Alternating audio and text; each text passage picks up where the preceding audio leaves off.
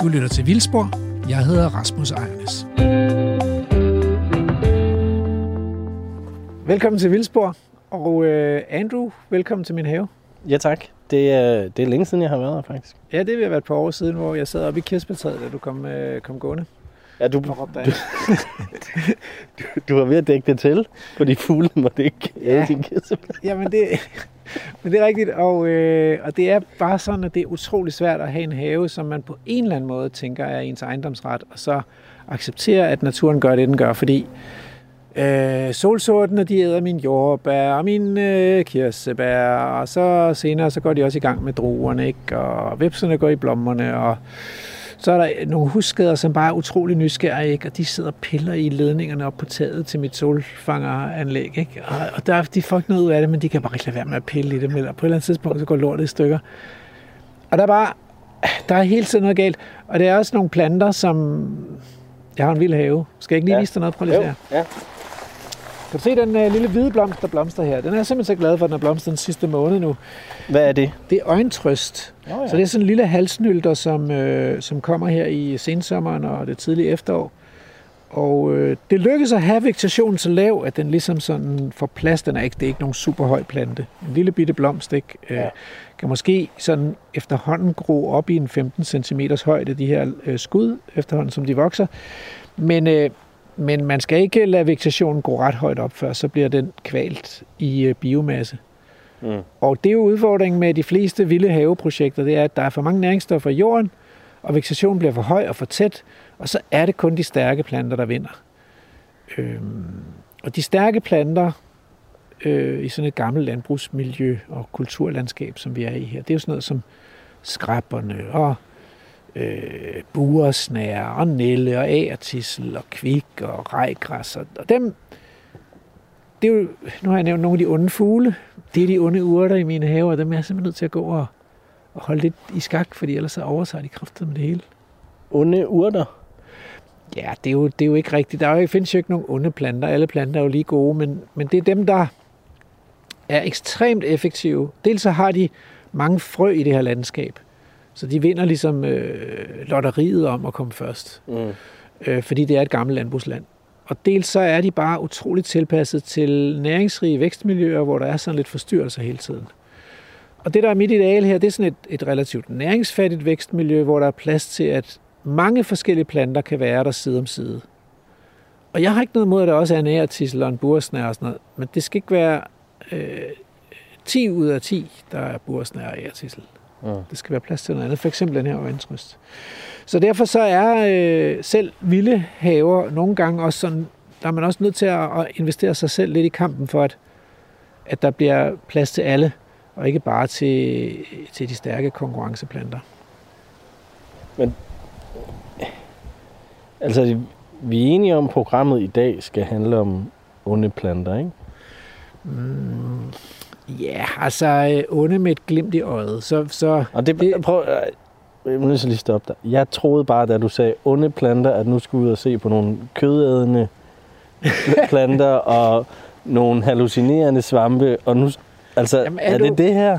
Ja, du bliver nødt til at, øh, at, at dæmpe det der zombie, øh, den der zombie-hang og trang, du har til, at, Ja. at nu skal... Så der er ikke på den måde, altså, når vi taler om onde planter i naturforvaltningen i Danmark, så taler vi normalt om øh, invasive planter, det vil sige planter, der er fremmede, som kommer fra andre kontinenter, og som pludselig fortrænger den hjemmehørende biodiversitet. Eller vi taler om, om konkurrenceplanter, som, som hører til i landbrugslandet, og som, som også fortrænger den hjemmehørende biodiversitet. Mm. Så det er sådan ligesom de to grupper af, af planter, som vi, som vi måske ikke er så vilde med i naturforvaltningen. Der er ikke nogen af dem, der er kødædende, så du kan gå øh, helt roligt øh, frem okay. i dagens program. Ja, jamen, jeg havde tænkt, at vi skulle høre noget dødsmetal og sådan noget, men det kan godt være, at vi lader være med det. Det ved jeg ikke, det kan vi jo godt. Der er jo en mægtig kraft ved de der, øh, ved de der planter, som virkelig formår at erobre verden. Som ja. På mange måder minder lidt om menneskets erobringskraft. Ja. Men altså, jeg kunne godt tænke mig at vise dig lige en ting mere, fordi okay. der, er, der er en vinkel mere på det. Kan du lide finer? Ja, Okay, jeg har et fintræ nemlig. ej, hvor dejligt. Vi plejer jo ellers ikke at spise i det her program, Rasmus. Nej, men det skal illustrere en pointe. Så, okay. Øh,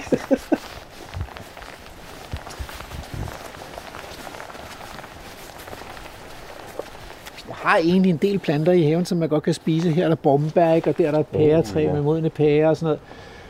Og det gode ved dem, det er, at øh, de jo også har blomster, der er insektbestøvet, så øh, de vilde bier er vilde med brumbærne, og, øh, og nu er vepsene også vilde med dem. Der er utrolig mange arter knyttet til brumbær.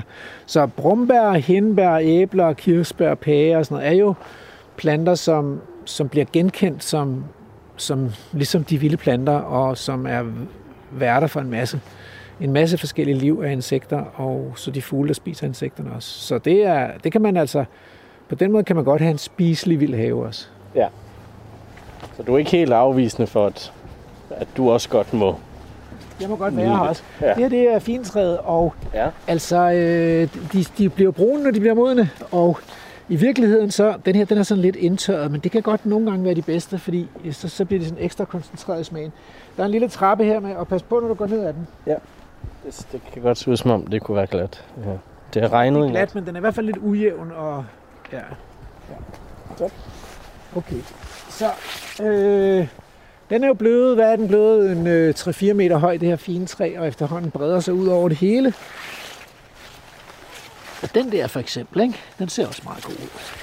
Så får en fin der, og øhm, det er en Bornholmerfin, og fidusen ved den der er, hvis man nu tager en fin med hjem fra Sydeuropa, så kan man sagtens få den til at slå ro- rod og, og, og gro i Danmark, men den kommer ikke til at sætte nogle modne frugter. Så når frugterne er sat, så falder de af igen. De bliver ikke befrugtet. Mm. Fordi at de vilde finer i Sydeuropa, de bliver befrugtet af en lille snyltevips, hvor øh, jeg tror, det er handen, der bor inde i finen, og så er det hunden, der flyver rundt fra finen til finen, og så bliver hun befrugtet, og finen bliver befrugtet.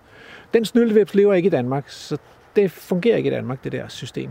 Altså, Så man, kommer, så, kommer vepsen ud af nej, fin? den bliver derinde. Så når man, når man får sådan nogle tørrede finer, så er der sådan en lille rest, rudimentær rest af en vips ind i. Det beklager. Men det er der ikke dem her, fordi selvbestøvet. Det er jo egentlig lidt kødædende-agtigt. Ja, det er så os, der er kødædende. Ja, Men det er vi jo. Men altså, øh, der er ikke... Øh, Bornholmerfinen er selvbestøvende, så den behøver ikke den der. Så der kommer rigtig finer på. Ved siden af finetræet, der står der et andet træ der med nogle karakteristiske blade. Kan du se, hvad det er for nogle blade? Nej. Okay, hvis jeg nu tager sådan et blad her af og, og nuller det lidt, kan du så lugte, hvad det er for en blad? det, det dufter meget krydret i hvert fald. Jeg Meget ikke umiddelbart- krydret. Det er lavbær. Ja. Okay. Og lavbær vokser jo ret langt sydpå fra Danmark. Men det her lavbærtræ, det er altså, det er altså også 3-4 meter højt nu, og 20 år gammelt, og det har blomstret, og det har sat frugter. Mm. Der er simpelthen frugter på det i år. Ja. Det er jo helt vanvittigt, ikke? Altså, jeg tror ikke, de når at modne, så, de kan, så der bliver modne frø. Altså, men det, nu må jeg blive lige nødt til at observere det. Pointen med de to ting her, ikke, det er, at klimaændringerne er ligesom i gang. Ikke? Ja. Og det betyder også, at de planter, der kunne trives i Danmark for 20-30 år siden, det kommer til at ændre sig. Ikke? Mm. Nu og om 20-30 år, så er der nogle andre planter, som, som kan trives i Danmark, og vi må forvente, at der kommer planter sydfra, som indvandrer og etablerer sig i Danmark, som en del af den helt naturlige danske planteverden. Og nogle af dem, de vil blive hjulpet ind i landet med os mennesker, og nogle af dem, de vil selv finde ind. Jeg har for eksempel erantis i haven. Det er måske sådan en art, der bliver en del af den danske natur i fremtiden. Den hører til i, midt i Frankrig eller sådan noget lignende. Og, og den naturaliserer sig og, og findes flere og flere steder vildt i den danske natur. Men hvorfor har du de, de der laverbærblade, hvis det, eller laverbærtræ? Det er jo, jeg tror, jeg synes, at det var sjovt at prøve nogle af de der lidt sydlige arter øh, af i haven. Og øh, jeg elsker øh, bankekød med laurbær. Men altså, jeg bruger jo i mit køkken som krydderi, bruger jeg jo 20 blade om året, ikke? og der, ja. der er jo Der er- 20.000 blade på det der Der er træ. til meget bankekød her. Bankekød til, hvad hvad hedder det, til raske drenge. Eller? Men altså, øh, øh, det er jo ikke, programmet skal ikke foregå i min have. Nej, det er ellers meget hyggeligt. Det er super hyggeligt. Men vi skal ud og møde en, øh, en kilde. Øh, øh, og vi skal møde øh, Morten. Hvad fanden er hedder med Morten? Jamen for fanden, Rasmus. Så, jamen, Vi er så dårlige til begge ringe til navne Men, også. men, men øh, ej, det er lige på læben, men altså, han arbejder jo i Sydjysk Kommune. Ja.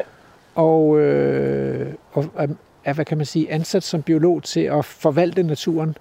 Og vi skal mødes og tale med ham om invasive arter, og hvad man egentlig gør i sådan en kommunal forvaltning for at begrænse de der invasive arters udbredelse. Ikke? Om, der er, om der er nogen, man prioriterer højere end andre. Mm. Jeg tror jo nok, at, at der er sådan, man går virkelig til vaflerne, når det handler om kæmpe bjørneklo. Ikke? Ja. Måske- Den er også træls, den, den klør jo. Den er også giftig. Ja.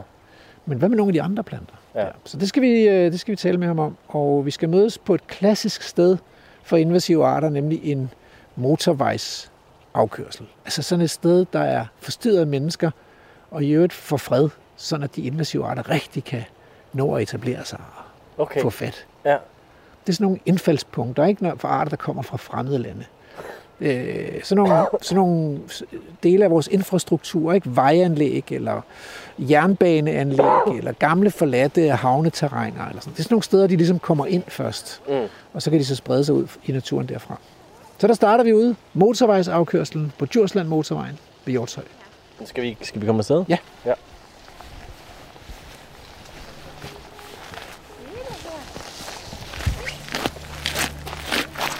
Man må gerne spise bær her.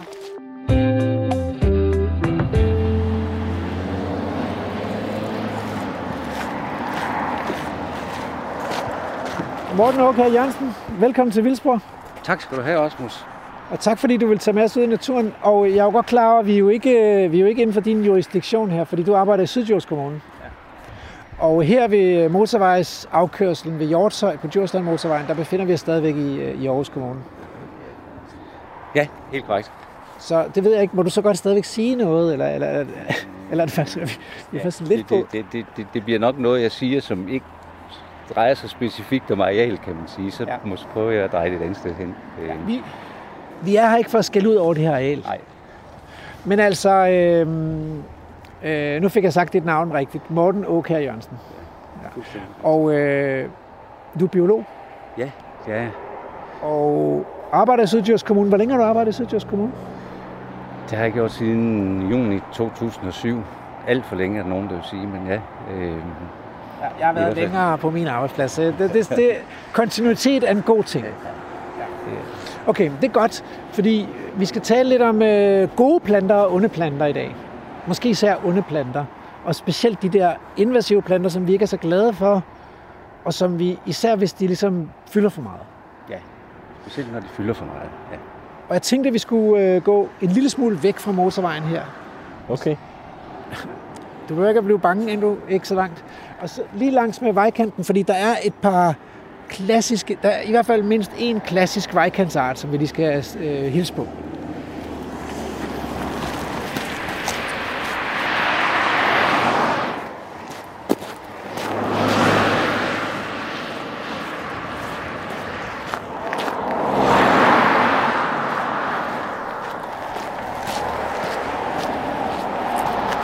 Altså øh, helt væk fra vejen kommer vi ikke, fordi nu er vi gået lidt væk fra motorvejen, men, øh, men så er vi, står vi til gengæld på Mejlbevej, og så er vi kommet hen til en, en plante her, øh, som er tydeligvis er en skærmplante.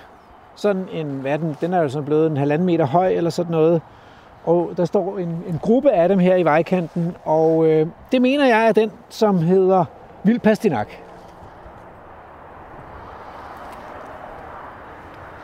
Den er ret stor. Den er ret stor, ja, og, øh, og den har stået og blomstret med øh, sådan gullige, grøngullige blomster, øh, og står ekstremt almindeligt i vejkanter i, øh, i Danmark, hvor den godt kan tåle at blive slået, så bliver den ikke lige så høj. Øh, og så har den det ved sig, at den, den, den saft er lidt ligesom kæmpebjørneklo, at hvis man får den på huden, så bliver huden øh, solfølsom, og så kan man få blære og eksem og udslæt. Øh, og det, det ved garden. Det er jo også en plante, pastinak, der bliver dyrket af gardnere, og som vi spiser. Man kan købe pastinakrødder nede i brusen så, så, og lave udmærket mad af. Og gardner ved godt, at man skal ikke sådan luge i pastinakkerne på solskinsdag uden handsker. Altså. Så det har man vidst i mange år. Men den regnes som invasiv i Danmark, og øh, det gør den altså det gør den, fordi dens naturlige udbredelsesområde strækker sig til lige syd for Danmark, i Tyskland. Men, men Danmark er ikke ligesom en del af den naturlige udbredelsesområde. Er det sådan en, øh, er vild pastinak en plante, I er bekymret for i Sydjords Kommune? Ah, det er måske en plante, vi har lidt, en lille bitte smule kig på, øh, men igen, det, den, den virker meget vejkantsagtig. Altså, øh, og de steder, hvor jeg har kendskab til den ude fra kommunen, det er specielt på stykket mellem Æbeltoft og Fældballe, hvor den står.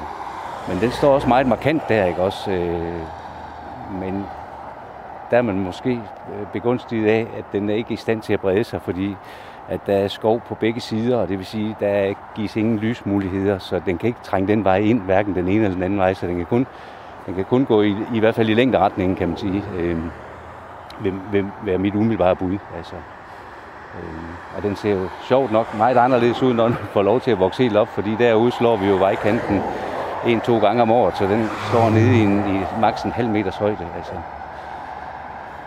Øhm, det her er jo, øhm, det er jo det, vi biologer vil kalde en ruderat.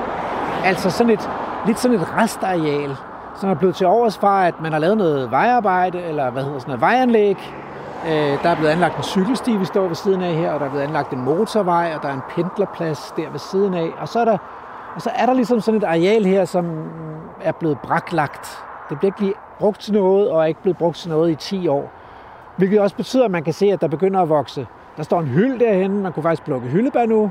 Øh, der står en pil, gråpil. Der står nogle tjørn med modne tjørnebær på. Der står nogle mirabeller. Øh, det er jo stille og roligt ved at blive til natur, det her areal, kan man sige. Ja, øh, det får jo lov til at vokse til, kan man sige, på sin egen. Pas sig selv. Og så vil jeg spørge dig, Morten, øh, kan du så se, hvad det er for en plante, der dækker det meste af horisonten her? Altså, vi står lige ved, der er sådan en gammel mølle i baggrunden, men foran møllen, mellem os og møllen, der er der en plante, som dækker, ja, det ved jeg sgu ikke, altså flere hektar. Det ligner rams og ikke hams, altså givet, givet rams, ja. Ja, den er jo afblomstret, men altså i blomstringssæsonen, som jo er lige der i slutningen af juli eller sådan noget lignende, der, der, der er der helt lilla, altså virkelig smukt lyserødt eller lilla af, af blomstrende gederams her. Så det er den, der fylder det meste. Hvis vi nu går lidt ind på arealet, så kommer vi også lidt væk fra vejen her. Lad os prøve det.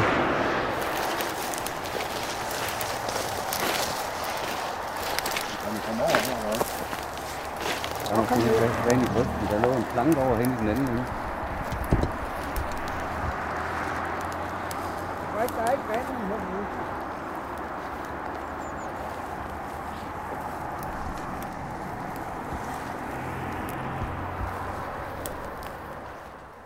her Du lytter til Radio 4. Gederams er jo sådan en klassisk art, man møder i skovrydninger. Altså når man har ryddet øh, plads i skoven, så er den hurtig til at indfinde sig sammen med hindbær og brumbær nogle gange. Og øh, det er en konkurrenceplante, så den er utrolig effektiv til at komme op og konkurrere om lyset. Og så laver den underjordiske udløber, og det er selvfølgelig en af grundene til, at den, den ligesom har lavet nærmest en helt sammenhængende bestand her øh, på den størrelse. Og det er jo karaktertræk, der karakteriserer vores konkurrenceplanter, at de har hurtig vækst, stor højde, og så effektiv sideværtsspredning, altså kan sprede sig ud til siden med udløber. Så det er den virkelig god til, øh, og har samme fået domineret meget her. Ja, det må man sige. Altså, at der er vi jo så ude i, at man kan sige, at når den er hjemmehørende, jamen, så bliver den ikke kategoriseret som invasiv, når vi snakker om det. Øh, men en problemart kunne det jo blive, altså når den går ind og lukker på den her måde, kan den Så, være med til. så det, og det, det begreb der problemarter, jeg skulle lige være tro, jeg havde været med til selv at introducere det i noget af vores naturtilstandsvurdering, men det, det er altså også et, du kan ikke genkende til som, øh, som kommunalbiolog. Det, Ja, og, og, og det kan sagtens være, at det kommer fra jer, ikke også? Øh, fordi det, det er da noget, vi har taget til os i, i min tid i Syddjur, som jeg husker det, øh, at, at vi er begyndt at kalde det problemarter, fordi at invasiv er et strengt ord på en eller anden måde. Altså, ja, altså det kunne vi jo godt lige få på plads. Altså, hvad kan man sige, for at være invasiv, så skal man være fremmed og et problem på samme tid. Og, og, og gederams er ikke fremmed, det er en naturlig hjemmehørende art i Danmark. Ikke?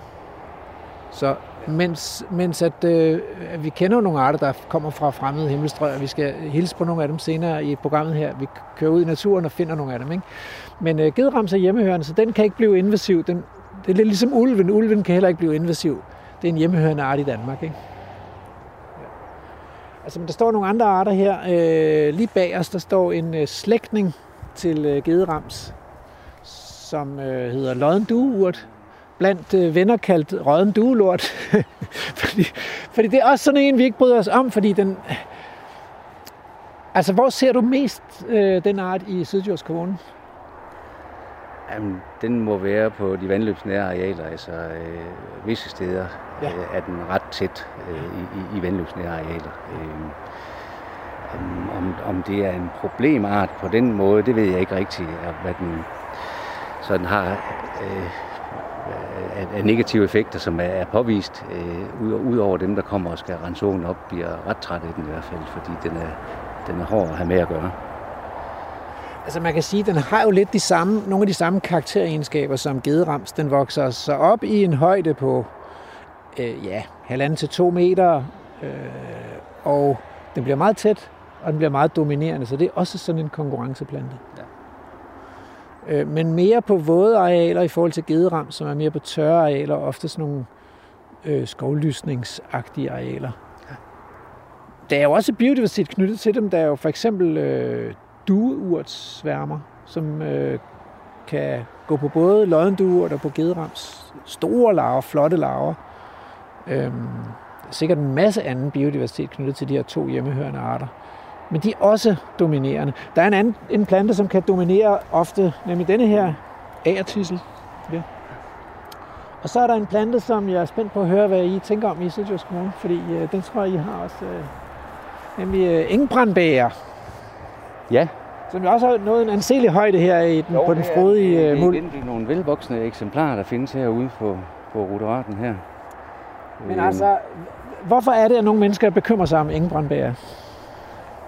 Jamen, det gør man nok hovedsageligt, fordi at den kan optræde øh, i rimelig store mængder, men den er giftig for heste. Det vil sige, hvis man lukker den ud på nogle arealer, man gerne vil afgræsse, og den står der, så kan det være svært at få hestefolk med, fordi hvis ikke de har lært at gå udenom den med sikkerhed, så øh, kan de risikere at spise den, og hvis de gør det, så, så er det ikke så godt. Øh, det, det, det, det kan de dø af. Men betragter I den, altså nu sagde du, at, at I kunne godt betragte øh, gederams måske som en problemart, måske øh, loddenduert som problemart. Hvad med den her, øh, Altså i den kommunale øh, naturforvaltning?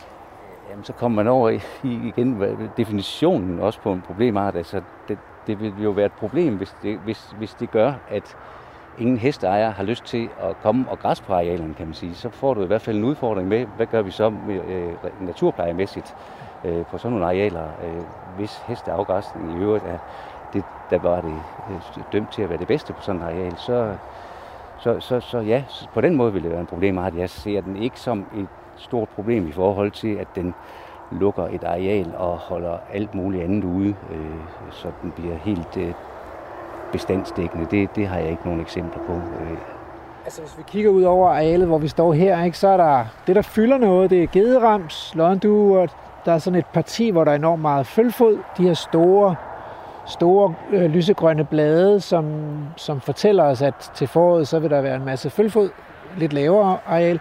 Så er der en hel del øh, ærtissel, og så er der spredte engbrandbæger, men det er ikke noget, der er dominerende. Øh, der, står noget, der står noget andet herhen, som, øh, som jeg synes ser, øh, ser, ser lidt interessant ud.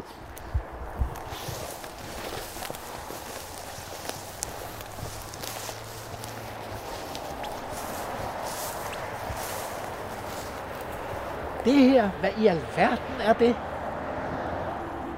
Det ligner sådan noget achu, achu, øh, nyserøllike. Øh, Jamen, det ligner, altså, det ligner lidt en nyserøllike, men det ligner alligevel ikke rigtig en nyserøllike, vel? Og, og, det, og, og blad, altså blomsterne er sådan helt tørre, som om, at, at, øh, at det var sådan en øh, evighedsblomst eller sådan noget. jeg, jeg må indrømme, jeg, jeg kender ikke den der. Øh, så det der ligner ikke noget, jeg har set i Danmarks Natur før, så jeg bliver simpelthen nødt til at, at køre en iNaturalist øh, bestemmelse på den. Og det, her kunne man også have brugt alle arter.dk, tror jeg, men, øh, men nu er det lige iNaturalist, jeg har installeret på mobilen. Og øh, så kan man tage et billede, og så køre den med automatisk billedgenkendelse.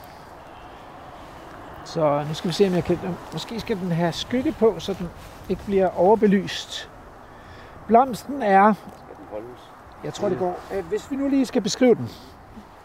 Det er en plante på... Øh, så kan man nemlig gætte lidt med. Ikke? Det er en plante på en 50-70 cm højde. Øh, den har øh, lange, smalle, lancetformede blade. Øh, den er, er relativt glat. Måske er stænglen sådan en lille smule hviddukket eller sådan noget. Og så har den en, øh, en, en forgrenet top med mange blomster. 50 blomster eller sådan noget. Der har en, øh, en, øh, en midt, midterkrone, som er, hvad er den? Den er sådan kajefarvet, og så har den sådan nogle, en, øh, nogle, nogle randkroner eller nogle støtteblade, som er hvide, og som er meget tørre. Tørre, altså nærmest sådan, ja, nærmest fuldstændig tørre at røre ved, ligesom sådan en evighedsblomst eller sådan noget. Og nu tester vi, hvad iNatural siger. Den foreslår, at slægten hedder Anaphalis på latin, og at det kunne være den, der hedder perlekurv. Anaphalis margaritaceae. Og det er sjovt nok, lyserøllike kommer også op som en mulighed, så det var ikke helt skævt det der, men du synes, det, det ligner sgu da lidt en lyserøllike. Men den ligner ikke helt alligevel, nej. Jeg tror simpelthen, det er perlekurv, og det er altså ikke en plante, der er vildt i Danmarks natur. Så det, så det må være en, en fremmed art, som har, som har etableret sig her i ruderaten. Hvordan kommer den her ind? Ja, det gør den jo på en eller anden måde med menneskers mellemkomst. Og øh, jeg kan huske, at øh, jeg kan huske, at Hans Henrik Brun, som har været med i programmet, han skrev en dag en artikel om, hvordan han havde gået på en ruderat i København. Og så havde han sådan øh, gået og studeret de blomster, der kom på den. Og så var han blevet mere og mere overrasket over, hvor mange spændende planter, der kom af sig selv, og kunne de virkelig have ligget i frøbanken, og, og han, øh, han samlede dem ind og, og fik dem rapporteret til Botanisk øh, Museum og sådan noget. Og så en dag på hans femte eller sjette besøg på den her utrolig spændende byggetomt, så kommer der en mand til, hen til ham og så siger, Nå, finder du noget? Ja, så fortæller han sådan om dem her. Ja, siger manden så, dem har jeg sået ud. så det var han da glad for, at der var nogen, der var begejstret over det, han havde sået ud. Hvorefter det jo straks mistede al fascination for Hans Henrik, ikke? Fordi, fordi, fordi så er det jo ikke, det er jo ikke det samme, hvis det ikke er spontant. Hvis det er noget, mennesker har lavet. Så er det ikke ægte. Så er det ikke ægte, nej. Men, og vi ved ikke om det her. Det kan jo være, at der er en eller anden, øh, som har haft noget haveaffald. Øh, og som bare har, har kørt det hen i grøftekanten, og så smidt det, smidt det ud her, ikke? Øh, altså, hvad fanden er det der? hvad fanden er det? Fortsætter med. Ja, det bliver ved det her. Ja. Altså, nu står der jo øh, noget, der ligner en strandasters, ja. men som ikke er en strandasters, og vi er jo heller ikke ved stranden. Jamen for fanden, det er jo... Øh, det er jo næsten for godt til at være sandt. Men det er en øh, kurblomst med fint lyselille kurblade. Den er lidt lavere end den her perlekur, men den står kun to meter væk. Nu, nu begynder indicierne at pege i retning af, at der er nogen, der har tømt noget haveaffald ud her, synes jeg. Men den er også fint etableret og har lavet sådan en øh, bevoksning på, det ved jeg sgu ikke, et par kvadratmeter eller sådan noget. Så, så den her plante her, det er en, man godt kunne have i haven. Begge de to her vil være, tror jeg, haveplanter. De, de er undslupne. De er haveflygtninge, som man siger. Du lytter til Radio 4. Du lytter til Vildspor, og øh, det er jo et program om Danmarks natur, og den del af Danmarks natur, som vi er taget ud for at se på i dag, det er, det er sådan de, de fremmede arter, eller de onde arter, eller de problematiske arter. Øh, og, og for at blive lidt klogere på, hvor stort et problem det er, og hvad man gør ved dem i forvaltningen, så er vi taget ud med, er vi taget ud med Morten Åkær Jørgensen fra Syddjurs Kommune. Og øh, han har indvilliget i at møde os i Aarhus Kommune, her tæt ved min bopæl ved, ved Hjortshøj, fordi jeg vidste, at der var sådan et, en ruderat her, hvor med mange fremmede arter i. Og måske også nogle problematiske arter. Og man kan sige, at det blander sig jo... Hvad tænker du om de to arter her? Er det nogen, vi skal være bange for, Morten? Hvad, er du bange for dem? Nej, det er jeg ikke. Altså, jeg, jeg tror, det er haveaffald, og jeg tror ikke, der sker mere her. Sådan. Men de har alligevel fået fat, ikke? Det er ikke, Jo, sådan, jo, jo. Det er ikke sådan bare en tilfældig plante. Nej, altså, de, nej. de dækker sådan øh, 4 kvadratmeter med denne her asters, og 4 kvadratmeter med den der perlekurv. Jeg er heller ikke, jeg er heller ikke bange. Men hvad, altså, hvad er det, I skulle være bange for? Hvad er det, det de kan gøre? Ja, det bliver så det næste, ikke også? Fordi her er det måske årsagen til, at jeg ikke bliver bange, det er, at jeg synes, at den her kan måske godt få lov til at sprede sig på bekostning af øh, vores øvrige arter, der står her, uden at det gjorde mig noget. Øh, Vi har ikke så- fundet nogen sårbare danske plantearter her, vel? nej. Så, så på den måde. Øh, jeg, jeg, kan ikke udelukke, at de spreder sig mere. Altså, de tager godt fat. Øh, men jeg vil, ikke, jeg vil ikke være bange. Vi kunne lave det til et sted, hvor vi kunne konkurrere med landmændene og sige, kom ud og pluk en gratis buket. Øh, Ja, det kunne man da Altså, egentlig godt. Jeg kunne da godt være lidt fristet til at tage en buket af den der perlekurv med hjem. Den ville da være yndig hjemme i, en, ja. ja. hjemme i stuen. det er garanteret rigtig flot, når den er tørret. Ja. Holde så længe. Øhm. Altså, men, men nu du spørger, Andrew, når jeg spørger om Morten er bange, så er det jo også fordi, at det er jo sådan her, det starter. Altså, det er jo sådan her, det startede med Rynke Rose, og det er sådan her, det startede med Kæmpebjørneklo. Så der var nogen, der syntes, at Kæmpebjørneklo havde en utrolig smuk skærm. Og så, og så, så, så plukkede de nogle af de her store tørrede skærme med Kæmpebjørneklo. Så lagde de dem op ovenpå folkevognen på tagbagagebæren, ikke? Og så kørte de hjem med dem, fordi den skulle fandme hjem og stå i en stor krukke i stuen. Og på vejen, der fik den så spredt 100.000 frø øh, på den der 20 km strækning på vej hjem til stuen. Og så var den ligesom i Danmarks natur, ikke? Og tilsvarende så er rynket rose jo også en plante, der er yndet på grund af øh, blomsterne dufter dejligt, og man kan lave marmelade, hyblene og sådan noget. Og så at den lige så stille spredt sig fra sommerhushaverne. Den giver også læ i sommerhushaverne, og så derfra ud i naturen. Så det her kunne jo godt være starten på en invasion. Vi ved det ikke rigtigt, vel? Altså, og vi, vi er ikke sådan rigtig bekymrede, fordi der er også bare mange planter, som, som findes hister her i Danmarks natur, og aldrig bliver et problem. Og så, og så er vi jo omgivet af, vi er jo omgivet af andre problemarter. Altså arter, der virkelig tager plads op og fylder. Og, og på et eller andet tidspunkt, hvis ikke der sker noget her, hvad hvis vi nu spoler tiden frem? Hvis vi nu spoler tiden 20 år frem på det her areal, hvad vil, hvad vil din forventning så være, Morten? Øhm, jeg tror, at træer og buske vil komme til at fylde ret så meget herude til den tid. Altså, dem, der står her nu, øh, de vil jo i hvert fald blive meget større, og der vil, jeg ved ikke, jeg ved ikke hvor let de har ved at etablere sig som nye planter, øh, med, med, med nye øh, hvedplanter øh, herude, men, men, men dem der, de vil komme til at, at dække et ret stort areal, øh, og så vil de jo skygge en del af det her væk. Øh, Jeg er enig. Jeg tror også, det bliver, det bliver til krat og kratskov. Der er ikke så mange egentlige skovtræer endnu, men, øh, men de der tjørn, de bliver store. Der står faktisk også en ahorn der, den bliver rigtig stor. Der står en, øh, en rose, der står den der hyld, og der er flere pilebuske, og der er øh, noget, noget hassel eller elm derovre. Det bliver simpelthen til kratskov. Ja. Og en charmerende, det tror jeg også. Selvgroet kratskov. Ja, ja, ja. der står jo en, øh, et træ derovre også. Det, det kommer også ind fra en have. Den valnød. Eller den derovre? Ja. Det er godt set.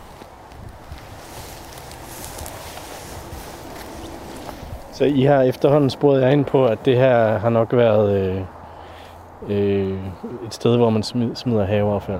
Ja, altså lige valnøden er... Øh, der sker jo det med, når, når nødderne bliver modne. Øh, I hvert fald i Hjortshøj, der har vi en rågekoloni.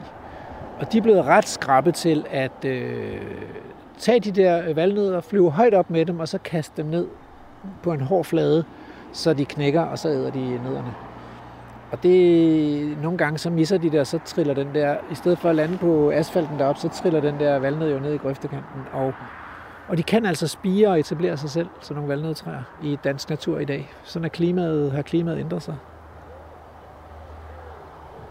Så det er meget sjovt, at vi kan få kan plukke valnødder her måske om 20-30 år. Du sagde et eller andet med, at du har et, et brev, fået et brev. Jeg har afsløret for dig, at jeg har fået et brev. Det synes jeg, vi skal tage Jeg nu. synes, det er meget fint, produceren ved, hvad der skal ske. Ja, nemlig. Ja. Jeg fik et brev fra Palle, øh, og det lyder sådan her. Og det er ikke Palle i Kalundborg, som øh, Radio 80 lytter kender. Det er Palle fra Lyngby.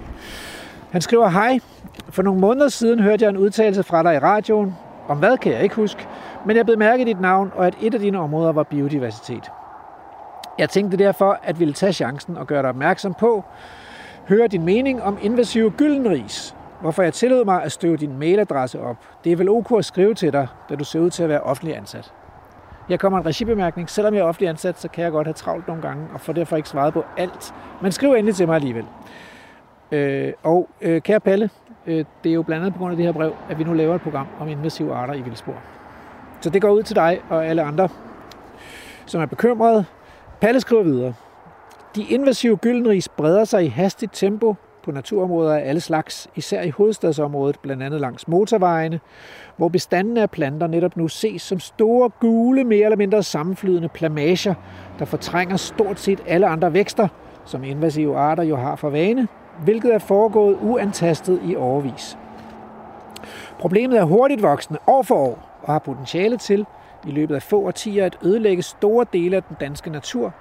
Mange, mange steder er den invasive proces så fremskreden, at det i praksis allerede er sket. Problemet er meget synligt, så ingen kan undgå at få øje på det, og alligevel er det forbløffende få, der er opmærksom på det. Det er en kæmpe skandale, tragedie, skråstreg, katastrofe. Parenthes, ingen af ordene er for stærke. At der stort set ingenting gøres af dem, som skulle være de ansvarlige myndigheder. Morten, den går ud til dig. Ja. Øh, blandt andet Vejdirektoratet og kommunerne, med få hederlige undtagelser. Parenthes men også grønne organisationer som for eksempel Danmarks Naturfredningsforening, som jo for eksempel burde informere bredt, lægge pres på politikere og henvende sig til pressen osv. Jeg hører i øvrigt ofte som svar på henvendelser til for eksempel DN, argumentet, at der jo er så mange andre invasive arter, man også bør bekæmpe, for eksempel japansk pileurt. Og ja, jeg ved, der er rigtig store problemer med mange andre invasive arter, men altså, gyldenrisen er en helt, helt anden liga, når det gælder udbredelse og spredningstakt. Der høres og læses tit udtalelser fra mange instanser, organisationer, politikere osv. om ambitioner for biodiversiteten i naturen, hvilket du selvfølgelig ved meget bedre end mig. Men hvordan i alverden forestiller man sig, at alle disse tiltag skulle kunne fungere, når man samtidig fuldstændig ignorerer den suverænt største trussel mod selv samme biodiversitet? Spørgsmålstegn, spørgsmålstegn, spørgsmålstegn. PS, jeg har bevidst først skrevet nu, da det er nu, at de gule plamager af invasive gyldenris er fremtrædende alle vegne. PPS. Jeg ser jo godt, at du er ansat på Aarhus Universitet, men muligvis i en københavnsk filial. Ellers har jeg måske et troværdighedsproblem i det gyldenris af et syn, der især møder en i hovedstadsområdet på Sjælland. Og hvis du nu ikke bevæger dig der til daglig. Ja, det var øh, Palle fra Lyngby, der har skrevet. Og han er åbenlyst stærkt bekymret over invasiv gyldenris. Og der må jeg sige, Palle, at øh, jeg har faktisk lige været i Københavnsområdet, og jeg må give dig ret. Der kan man langs med vejanlæg, og også i nogle øh, naturområder, især bynære naturområder, se store plamager med de invasive gyldenris. Og der er vist tale om to arter af invasive gyldenris, nemlig øh, den sildige gyldenris og den kanadiske gyldenris. De har lidt mindre og tættere siddende blomster end den danske gyldenris, som jo er en god art, der også blomstrer nu. En fin hjemmehørende øh, plante. Og nu må jeg jo ellers spørge dig, Morten. Øh, er I uansvarlige i Sydjysk Kommune? Har I øje for den her gyldenris? Ser du den som et problem hos jer? Øh, nej, altså det er jo lidt uheldigt her for Palle i hvert fald, fordi jeg synes ikke lige, at øh, jeg kan genkende det der, men, men som han også sagde, det er jo, eller skriver os, det, det er hovedsageligt øh, i Øst-Danmark, at de findes de her. Øh, og der kender jeg måske lidt for lidt til det, til at kan udtale mig. Men igen, så kan man sige, hvor, hvor, hvor, hvad, hvad er det, den truer derovre? Altså, hvis, hvis det er vejnære arealer igen, som lidt vi står her, og hvis du så har et bredt bælte af den gyldenris, kan man så leve med det? Er der en biologi forbundet med det? Det må måske være det første, jeg skal spørge om, fordi det ved jeg heller ikke nok om. Øhm, hvis, den, hvis den er kommet hertil, uden at, at der er nogle insekter i øvrigt, der bryder sig om den, øh, så den bare står for sig selv og går ud, og han har sagt, øh, ikke er en del af et samspil, så er den jo irriterende træls. Øh, men ellers så kunne den jo godt øh, være en medspiller.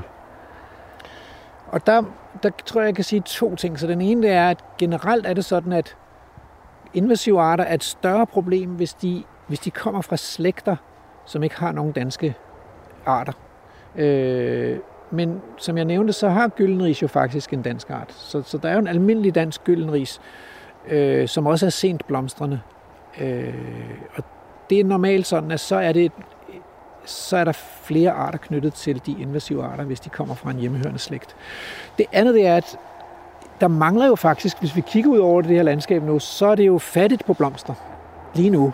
Så de sent flyvende bestøvere øh, af svirfluer og nogle af de store takvinger og nogle af de sene bier og sådan noget, øh, de får jo så tilbudt en ressource i form af de her gyldenris, der blomstrer så sent, som er rig, meget rige på nektar og meget øh, elskede af bestøverne i hvert fald, det ved jeg. Så på den måde kan man ikke sige, at, at arten ikke også tilbyder nogle ressourcer, de invasive arter ikke også tilbyder nogle ressourcer til den danske biodiversitet. Nej.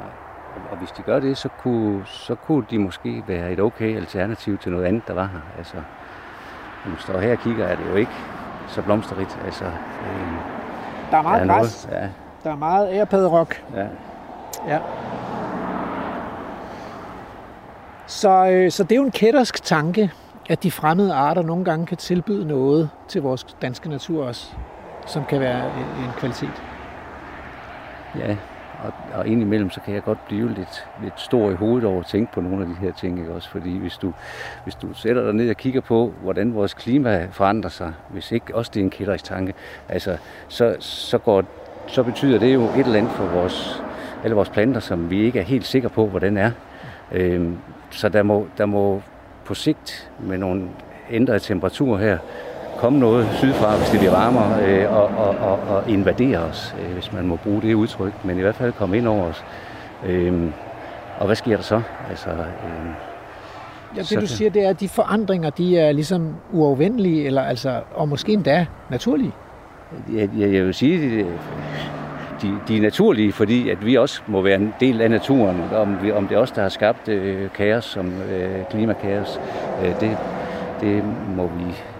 Jo, det er det jo et eller andet sted. Altså, men, men det betyder, at hvis klimaet ændrer sig, så kommer der en situation, som jeg i hvert fald ikke er klog nok til at forudsige. Øh, og hvad har, har, har det så nyttet ret meget, at vi har brugt en masse ressourcer på at udrydde noget, som måske var på vej ind alligevel. Altså, så skal man vide, hvor de kommer fra. Hvis noget af det her findes lige syd for grænsen, øh, så kommer det alligevel i, ind i mit hoved, hvis, øh, hvis vi venter og, og, og, og, og ikke kan regulere temperaturen, øh, hvis den bare er stigende. Og til det vil jeg sige, at øh, der er jo lidt forskel på nogle af de invasive arter, vi har talt om. Så øh, rynkerose, vi kommer til at tale om sidenhen, den kommer jo fra en anden verdensdel. Så den ville ikke komme af sig selv, hvis ikke vi havde på en eller anden måde hjulpet den ind som mennesker. Mens at pastinak der, den kommer altså fra vores verdenshalvdel. Den, den findes, den naturlige udbredelsesområde er lige syd for grænsen. Og da vi nu allerede har haft en, en, en klimatisk opvarmning, så er den måske faktisk naturlig hjemmehørende i Danmark i dag. Øh, så, så man kan altså være et større, større eller mindre problem for Danmarks biodiversitet som, som plante. Man kan også være mere eller mindre fremmed. Og pastinakken, den er altså mindre fremmed for den danske natur.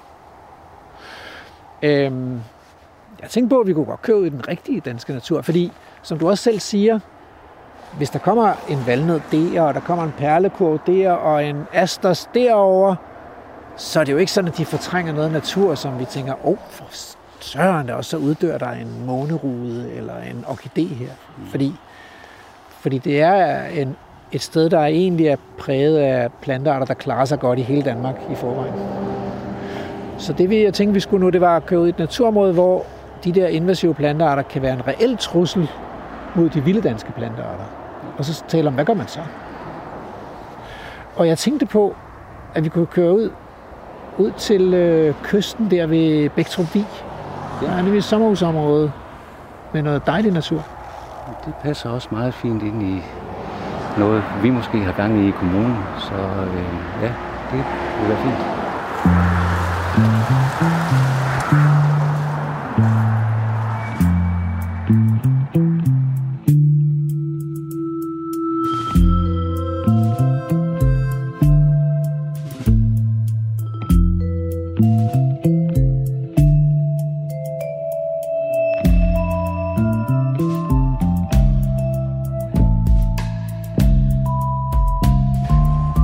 til Vildspor, og øh, nu det her program, der handler om øh, invasive arter, fremmede arter, der er et problem for vores natur, det startede jo ved en øh, motorvejsafkørsel ved Hjortshøj, øh, ved Mejlbyvej, på Djursland Motorvejen, øh, hvor vi mødte Morten Åkær Jørgensen fra Syddjurs Kommune. Og der var han sådan lidt på udebane, fordi det var jo egentlig Aarhus Kommune. Nu er vi taget ud i Syddjurs Kommune til et sted, der hedder Strands. Det er jo nærmest Strands Strand, hvis det skal være helt præcist. Okay, men byen hedder også Strands, og øh, man kan høre, at vi er kommet til havet, tror jeg. Øh, der er i hvert fald øh, lidt hvidt skum på bølgerne i dag, øh, selvom det er en, en, en dejlig stille sensommerdag, øh, eller efterårsdag. Og så står vi på strandvoldene. Så lige dernede ligger øh, stranden og sandet, og her på strandvolden er der lavet en lille parkeringsplads med græs, og så kom vi kørende ind af en grusvej, og på den anden side af den grusvej, der ligger der så øh, sommerhuse. Det er ikke nogen dårlig udsigt, de har lige de der øh, første sommerhuse. Nej, de ligger fint øh, hernede, det gør de. Øh, Øhm, og man kan høre måske vinden suser lidt i fyretræerne, der står på sommerhusgrundene her. Øhm, men hvis jeg kigger ud over de her strandvolde, hvor parkeringspladsen nu er lavet, ikke? Og så kigger både i den ene retning og i den anden retning, så det jeg ser, det er jo stort set øh, rosa rugosa, rynket rose. det er rigtigt, det fylder rigtig meget her. Man kunne godt plukke hyben til en øh, hybenmarmelade. Det tror jeg også, der er mange, der gør. Altså, det gør jeg også øh, selv, må jeg sige. Det smager dejligt. Jeg har en god opskrift, øh, som jeg har fået af en god ven, som øh, med lidt pære i. Det smager fremragende. Og nu er øh, det jo ikke et, øh, et madprogram, som Andrew vil minde mig om lige om lidt, men øh, hvad gør du med de der frø der? Jeg sidder og piller dem ud med en teske. Gør du også det, eller har du sådan... Ja, ja det gør jeg, og de ryger i skraldespanden, og så håber jeg, at de ender på Nå små ja, det er jo rigtigt, fordi hvis man smider dem ud i naturen, så kan de jo spire og blive til nye hybenroser. Det er nok ikke sådan, den spreder sig mest, men øh, det kan den, ja. Du kommer til at kalde dem hybenroser, det er ikke så Ja. godt. Der vil være nogen, som virkelig rynker på næsen der, eller brynene. Den hedder rynkerose, fordi alle roser laver jo hyben. Så det er virkelig noget sludder. Men i Der- skrift, skrifterne, der står tit også kaldet hybenrose, så Ja. ja. man, man må godt sige det selv. Okay. Så det er sådan, der er et folkeligt sprog, Ja. og så er der et mere biologisk sprog for tingene. Men øh, lad os nu holde fast i, at det er rynket rose, vi kalder den. Ja. Øh, der er jo ikke... Det, det er jo lidt ærgerligt. Den overtrumfer jo vores hjemmehørende roser. Sådan øh, kulinarisk set, ikke? Jo, klitrosen kan man i hvert fald sige, som er naturligt udbredt ude på vestkysten i hvert fald, øh, der, den får nogle bank, bøllebank derude. Øh, Jamen også, altså, ja, det er jo, den, den vokser, den, den, øh, den breder sig på bekostning af dem, men den overtrumfer dem også i forhold til dens attraktivitet. Altså, hyblene er store og kødfulde og velsmagende, og blomsterne er store og velduftende. Ja. De, rynk, altså, de hjemmehørende roser, de er jo røvkedelige, de, de er nogle blomster, der ikke lugter noget, og stort set, og, øh, og nogle hyben, der er små og hårde knallinger og sådan noget. ja, men det er rigtigt. Den har en fremragende duft. Øh, det har den. Så hvis man snakker om økosystem tjenesteydelser, så leverer den jo 100% tjenesteydelser, den her rynket rose. Duftende blomster, man kan lave dejlige massageolier af til de mørke vinteraftener. Og så de her øh, store kødfulde hyben, der kan bruges til hybenmarmelade. Så hvorfor skal vi egentlig bekæmpe dem, Morten? Jamen, det synes jeg lidt siger sig selv, når man står her, fordi at øh, historien hernede er, ved at Sydjurs Kommune har øh, gennem nogle henvendelser med, med, med hvad hedder de, grundejerforeninger hernede forsøgt at, at høre, om man var interesseret i noget. Og i den sammenhæng har vi fået oplysninger, dels af en, som har fortalt, at det var hans bedstefar, der plantede dem hernede. De første, der blev plantet, det var hans bedstefar. Og de har så bredt sig. Øh, der snakker vi måske 1920-30 stykker, ikke også? Øh, og se, hvad der er sket på det her strækning øh, med noget, der er plantet ud et eller andet sted her på midten. Det har bredt sig vældig meget. Øh, det kan være, at det kun er en skrøne, men han, det er i hvert fald den påstand, han er kommet med. Og, og, og det vi ser, og vi kan jo prøve at se, om vi tør gå ind imellem de roser, der står her. Jeg tror ikke, vi finder ret meget nede under dem. Sjovt nok kan jeg se, at der også står noget gyvel her. Øh, den kan vi måske også vende lidt til. Og så kan jeg også se, der står en anden plante, som vi så ved motorvejsafkørselen i Hjortshøj. Ja, Der er nemlig nogle gederams, der stikker deres øh, frøstande op over. Så hvis man skal, hvis man skal vokse sammen med rynkerose, så skal man øh, have en vis sådan øh, statur og voksekraft, ikke? Jo. Det er ikke de små planter, der står her. Nej. Jamen altså, lad os, lad os lige øh, gå lidt ind imellem. Ja.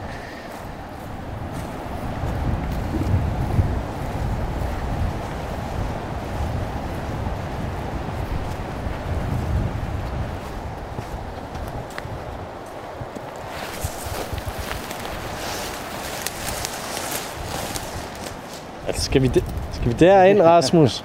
Vi skal herind, Andrew. Ja, ellers så gør vi det, så råber vi ud til. Øh, ja, fordi hvis man vil undersøge naturen, Andrew, så skal man ind i den. Ja, okay. Man kan ikke bare stå udenfor og kigge på den. Øh, nu er vi gået ind i det her øh, hybenkrat, og nu, er jeg, nu bliver jeg lidt nysgerrig. Ja. Øh, kan du historien for, for det her hybenkrat? Fordi jeg skrev, jeg skrev simpelthen PhD i det her område. Så okay. Dengang jeg skulle lave min, min PhD, og det har vel været i, åh, i 495, der lavede jeg feltarbejde i området. Og det vil sige, der kom jeg kørende, og jeg husker det her hybenkrat som en mur. Altså, Ja. i øh, næsten i mandshøjde, da vi kom kørende her, så skulle vi hen på, øh, på kystskrænterne og, og hen på strandoverdreven og lave noget feltarbejde.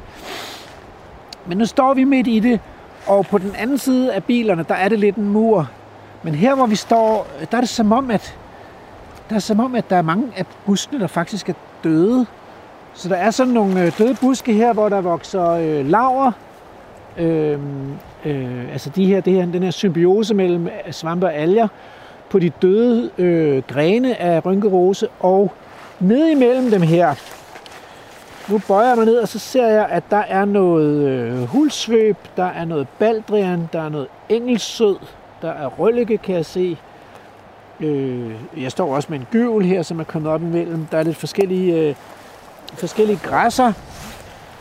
Øh, der er vist både noget vener, noget rød svingel, og jeg synes også, jeg så en, øh, en der er noget gråbynke. Måske er det en vas randfrø, den der. Det er den er ret... Øh, Den er ret ro. ja. Det Så er det vas randfrø. Det er sådan en, en, øh, en skærmplante, der blomster ret sent. Som sagt er der den der gederams. Så, så her er det som om, at, at der, er sket, der begynder at ske en lille smule sammenbrud i, i den her rynkede rose, Men, men er det her et sted, hvor den, rosen er blevet bekæmpet, eller har den bare fået lov til at stå her?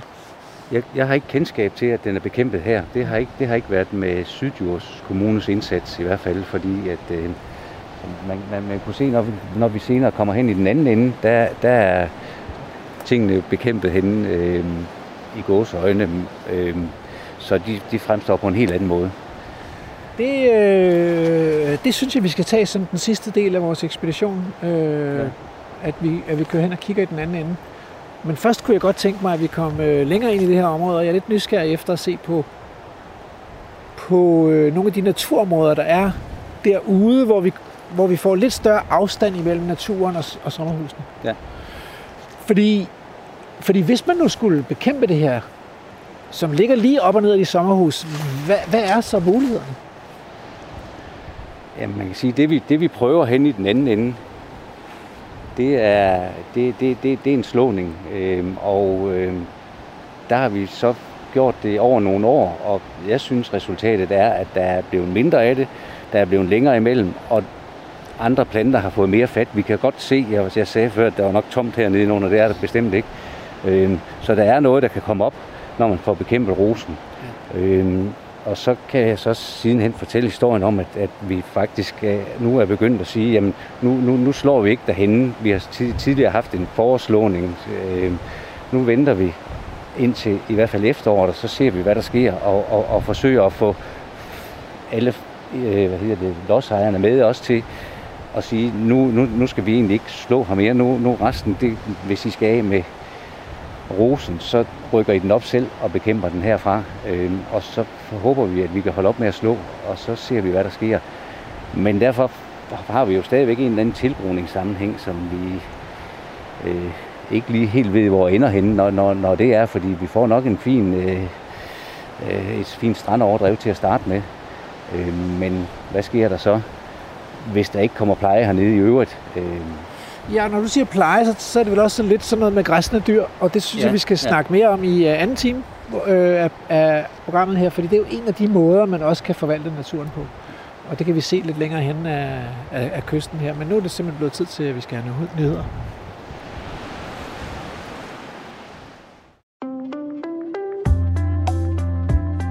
Du lytter til Vildspor. Jeg hedder Rasmus Ejernes.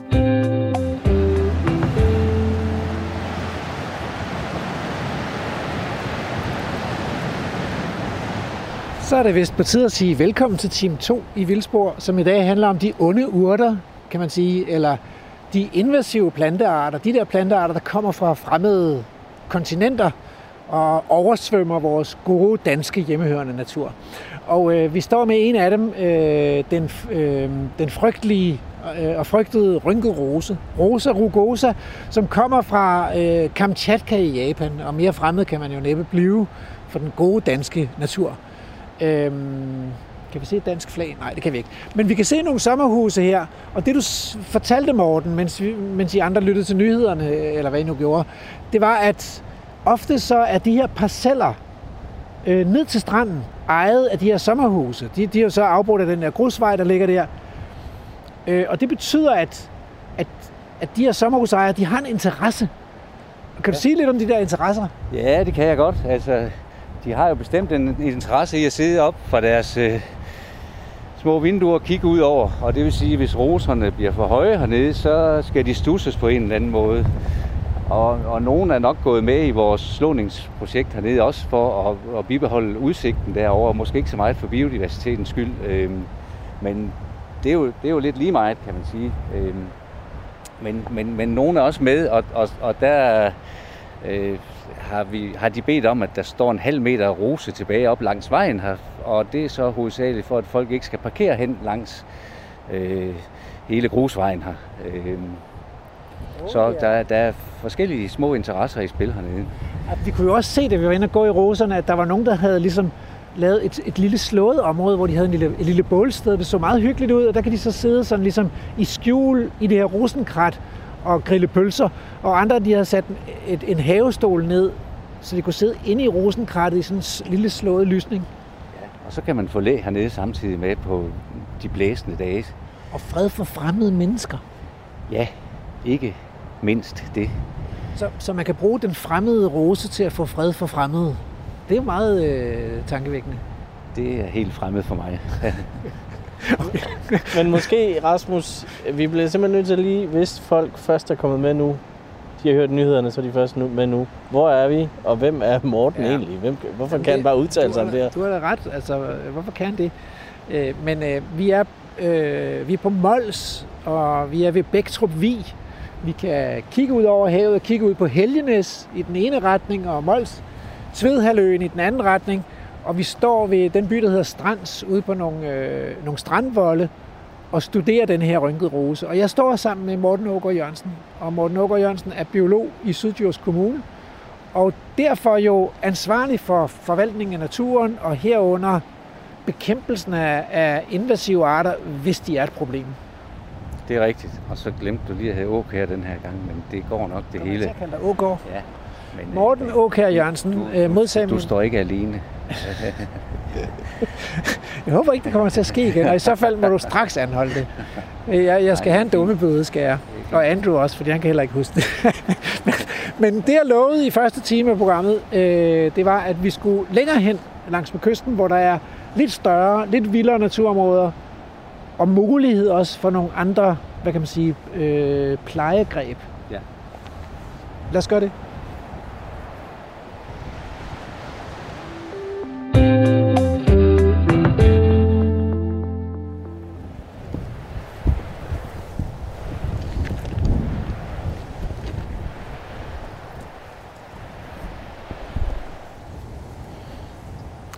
Så øh, har vi bevæget os øh, 500 meter ned ad kysten, og Morten, hvad er det for et, øh, hvad er det for et område, vi står i her?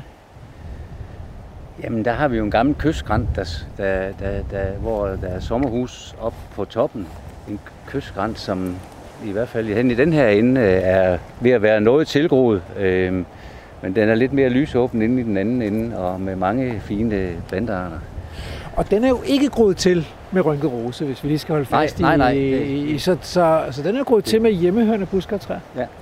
Stort set. Ja. Jeg gætter på, at der er noget slåen og noget roser og noget... Jeg kan se noget brumbær, og der er sikkert også nogle tjørn. Og det er sådan den fra den, fra de skuffer der.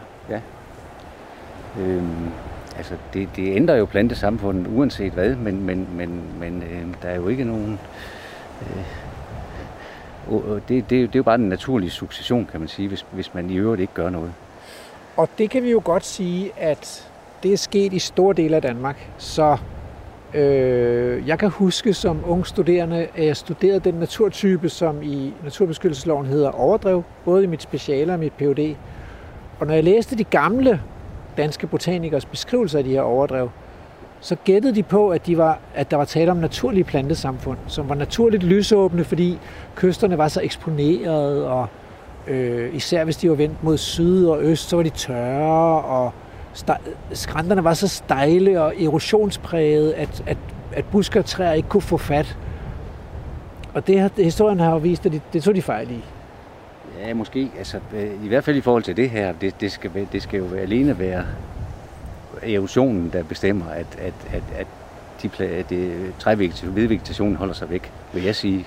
Og, det- og det, det, det den her er hverken stejl eller høj nok til i min verden. Nej, og der mangler også de der forstyrrelser, fordi øh, havet kommer jo ikke herop længere. Nej, altså det- det her det er øh, hævet, hævet Ja, havbund, ikke? ja. Så, øh, så der er ikke længere de der forstyrrelser. Og det, jeg tror, de overså de der mine forgængere, kan man sige, Tyge V, Tyge W, Bøger og nogle af de andre, der studerede skræntvegetation i Danmark. Det, de overså, det var, at hvis vi skruer tiden 100 år tilbage, så var der græsning på stort set alle kystskrænterne i Danmark. Det, Og den græsning er forsvundet, og det er den blandt andet på grund af dem deroppe. Ikke? Du kan godt se, hvad jeg peger på. jo, sommerhusene. Ja, Præcis. altså, hvis de havde en god udsigt, dem vi kiggede på tidligere, så har de her en vanvittig god udsigt. Ja. Øh, så, så de her parceller, som jo for 100 år siden var græsset af en landmands dyr, de er blevet udstykket. Ja. Og så er der nogle landmænd, der er blevet millionærer af det. Ja. Til gengæld så har naturen mistet sine græsne dyr, og så er, er de her overdrevskrænter med hele deres fantastiske flora, vilde flora af græslandsplanter, de er groet til med, øh, med først med lange, høje urter, og det var jo nok det, der skete dengang Tyge Bøger var ude og studere dem. Det var, at græsningen var sådan set mange steder ophørt. Så han så ikke de græsne dyr. Det han så, det var, at der var en utrolig rig blomstring. Mm. Og det kommer der jo de første 10-20 år efter, at græsningen er ophørt. Ja. Så ser det jo vanvittigt smukt ud. Fordi alting kommer op og blomstrer. Øh, og det ser naturligt ud og sådan noget. Men, øh, men, det, men det er der jo ikke længere, når det gror til med, med buske. Nej, der er vel også lidt kvælstof inde i billedet, som gør, at tilgroningen går hurtigere nu om dagen, end den gjorde dengang. Uden at det er noget, jeg tør lægge hovedet på blokken omkring. Ja, yeah. jeg er sgu ikke sikker altså. Jeg er sgu ikke sikker på, hvad det betyder, fordi næsten ligegyldigt, hvor næringsfattigt steder vi finder i Danmark, så sker den der tilgroning altså alligevel. Øh, så jeg er sgu ikke sikker på, at det kan Nej. for alvor holde træer og buske væk. Altså, hvis ikke der er nogen forstyrrelser, så tror jeg så... Men, øh, men det er jo så en af jeres opgaver i kommunen, at, øh, at forsøge at få gang i noget pleje, sådan at overdrever enge og moser og strandenge og sådan noget bliver ved med at være lysåbne. Det er det jo også, også specielt herude. Vi er vel er vi inde i Natur 2000-området. Det må vi være lige på kanten i hvert fald. Ja, det, ja. Øhm, så, så, så, så der vil vi jo have en eller anden forpligtelse til at gøre og sikre, at den naturtype, der, der ligger der, bliver bevaret. Men, øh, men hvad siger de så, dem der bor deroppe i de der sommerhuse, til at der skal være hegn og kokasser i deres øh, øh, badeland? Ja, det, det, det, det er en af mine gode kolleger, der, der, der kører lidt projekt herude, men, men den normale reaktion er jo, at det er man ikke så glad for. Altså, øh, man får dyrene lidt for tæt på. Man får måske, er det nødvendigt at sætte hegnet op på toppen, for at man kan være her. Så, øh, ja. Ja, det er nærmest sådan, hvis man skal have græsset de her skrænter, så får de nærmest et hegn lige op i de der store panoramavinduer, som de har sat i, i udsigten her. Ikke? Det er svært, fandme svært at undgå, ja, altså. det, det er lidt svært at undgå det, og det, det vil i hvert fald være må besværligt at sætte et øh, lidt længere nede, altså, og også lidt uhensigtsmæssigt. Ja. Så Men, øh, men du sagde noget andet, da vi stod øh, længere nede ad kysten. Du sagde, at, at ofte er de også interesserede i at bevare deres udsigt. Og man kan jo se her, nu ved jeg ikke, om det er kommunen, der har været inde og rydde, men en del af den her skrant, den er jo så altså blevet ryddet for træer og buske. øh, Nå, godt. det, det er ikke kommunen.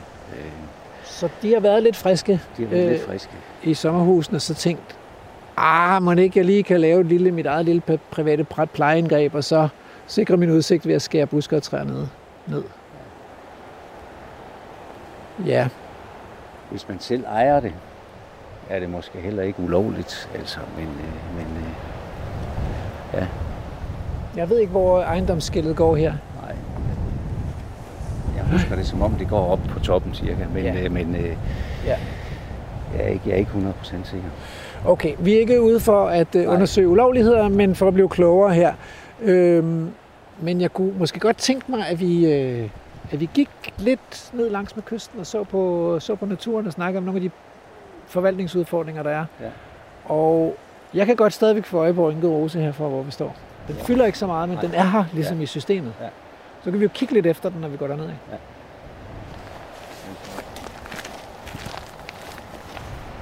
På det mere strandnære, så, så får vi den i hvert fald til, fordi den har, den har været lige så, den har været lige så dominerende på det her hele strækningen foran os, som den er, når du kommer derhen.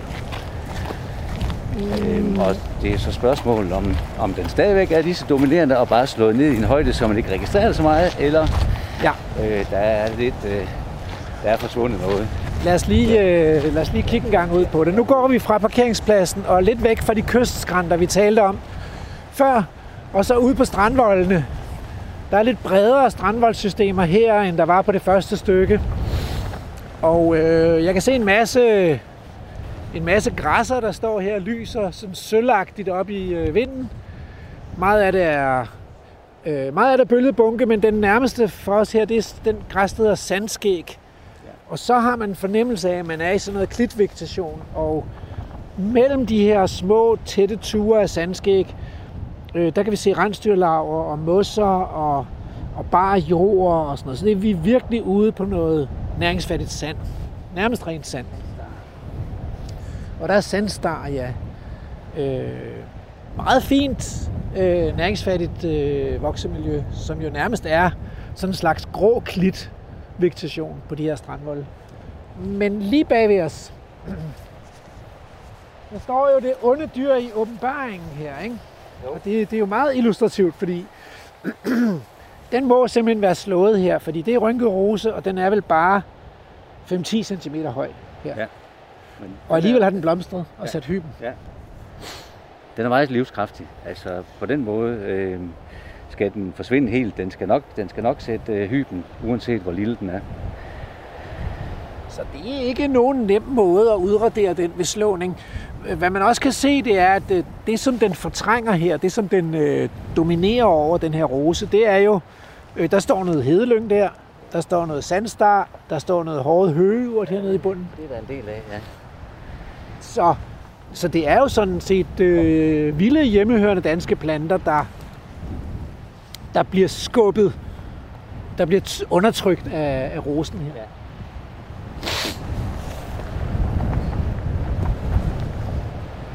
Det er alligevel, øh, selvom det er en dejlig solskinsrig dag, det, det blæser noget. Det blæser del, vil jeg sige.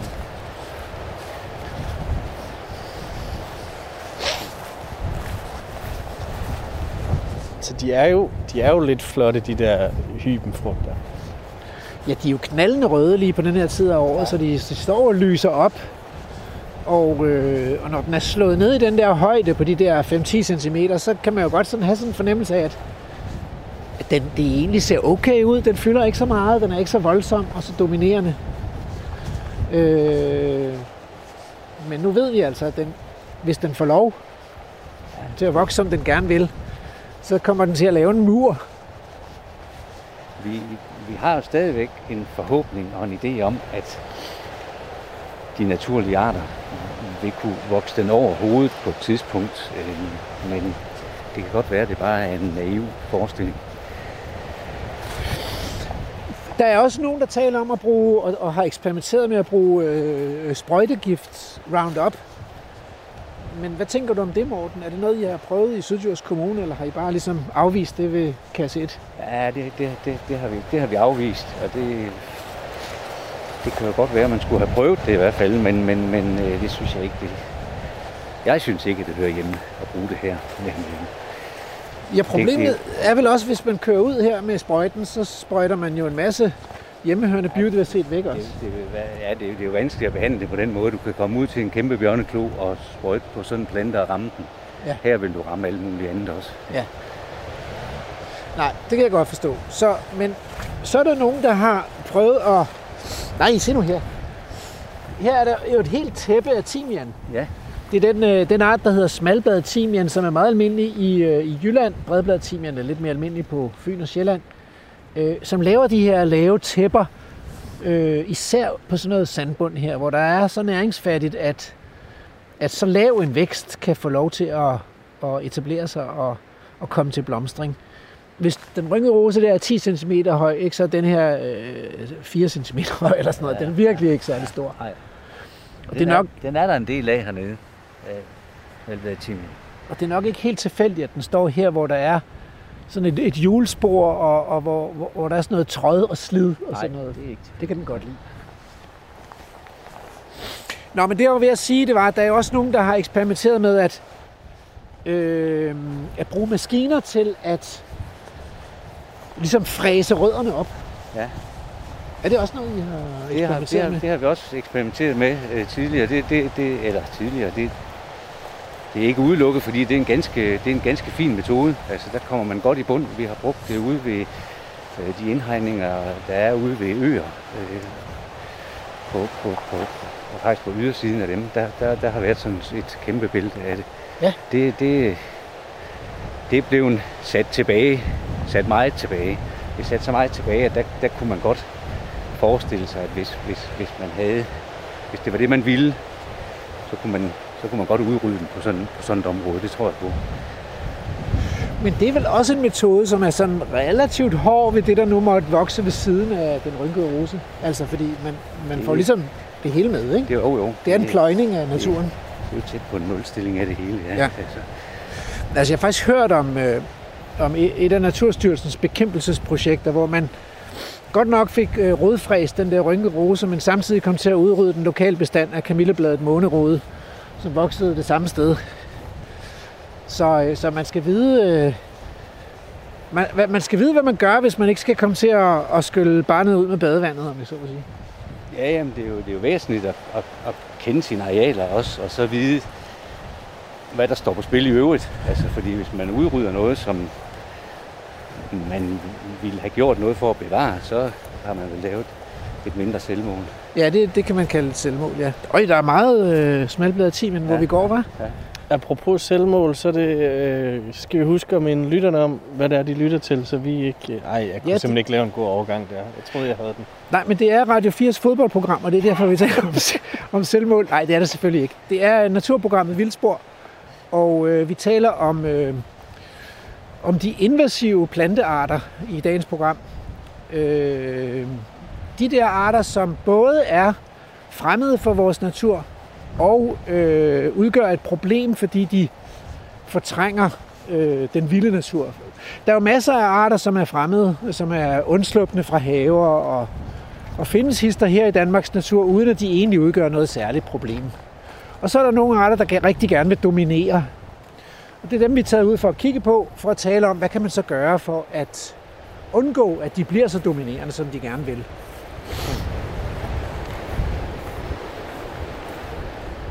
Nu går vi ind og låge, og der står her, et- der er sådan en lille messingskilt ved lågen. Det plejer der ikke at være, men det er der her.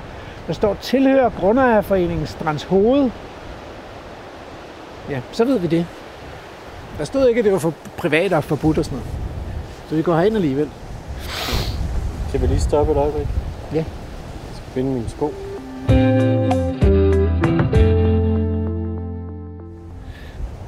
Nu er vi kommet ind i den her indhegning, øh, og øh, vi, det er øh, jeg er studievært Rasmus Ejnes, og så er det Morten Åkær Jørgensen fra Sydjysk Kommune, biolog. Og øh, nu, nu, nu, nu er vi kommet ind i den her indhegning, og det jeg ser, det er jo ikke rynket rose længere. Til gengæld er det gyvel. Mængder af gyvel. Hvordan har man det med gyvel i øh, Sydjysk Kommune? Så man kan jo sige, historisk set, så har vi jo sikkert lavet en masse tåbelige ting, øh, fordi vi har kørt og slået det her.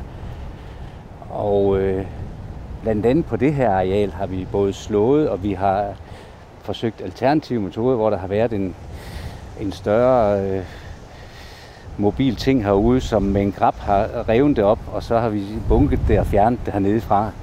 Og det er hvor mange år siden, øh, otte år siden måske. Øh, det er ikke nemt at se nu, at, øh, at man næsten var i bunden med noget hernede dengang. Øh, så så øh, der kunne man godt stille spørgsmålstegn ved, om det var en god måde at bruge øh, vores øh, naturmidler på. Og øh, vi skal lige have på plads nu, det handler om invasive arter. Gyvel er jo en hjemmehørende dansk plante. Og vi kalder den heller ikke øh, af samme årsag for invasiv, men vi kalder den problemart, fordi den også, kan man se, den, den dækker jo meget, og den bliver endnu tættere her, og, og no, nogle steder lukker den helt af. Øh, Og øh, der, der har været lidt diskussion omkring noget med, at der er en italiensk gyvel og en dansk gyvel. Den italienske gyvel skulle efter sine være indført fra Italien. Den bliver lidt, lidt større, lidt større blomster og lidt, måske lidt mere orange blomster. Sådan lidt, lidt anderledes i statur og farve. Men ikke mere anderledes, end at det betragtes stadigvæk som en gyvel. Og når man skal lave naturkortlægning, så har det vist sig at være svært med sikkerhed at skelne den italienske gyvel fra den danske gyvel. vi, vi har heller ikke nogen, altså hvis du siger, at den ene kommer fra Italien og dermed bliver invasiv, mens vi har en op, oprindelig dansk hjemmehørende, altså hvis man har svært ved at skille dem og ikke kan se forskel, og vi ikke ved, hvad der står her, så er det også lige meget for mig. Øh, altså andet end jeg så må erkende, så er der nogle arter, jeg ikke kan skille fra hinanden, det er fint nok, men, men i, i, i, i, i øvrigt i biologisk sammenhæng, så, så, så, så dækker de for, de, for, for den naturtype, som vi gerne vil have herude på, på nogle tidspunkter, og skygger den væk. Og der skal vi måske også tilføje, at, øh, at hvis vi nu begynder at skelne mellem øh, rigtig gøvel og fremmed gøvel, så får vi et problem, for så skal vi også skelne mellem danske bøgetræer og, og bøgetræer fra Karpaterne, eller øh, danske egetræer, eller hollandsk e, som er brugt meget i de danske skove, eller danske rødsvingel og fremmed rødsvingel og rejgræs, og det er bare skruen uden ende, ikke? Så der er blevet udsået og udplantet utrolig mange provenienser, der kommer fra andre steder i Europa. Og øh, de, det, øh, dem kan vi simpelthen ikke skille ud fra de oprindelige gode danske provenienser. Okay, men... øh, Skal vi ikke se, om vi kan komme lidt i læ derinde? Jo, lad os gøre det. Ja. Blæst er faktisk modbydeligt. Det blæser rimelig meget i dag. Der er nogen, der godt kan lide at blive blæst igennem. Ja. Det er da også forfriskende.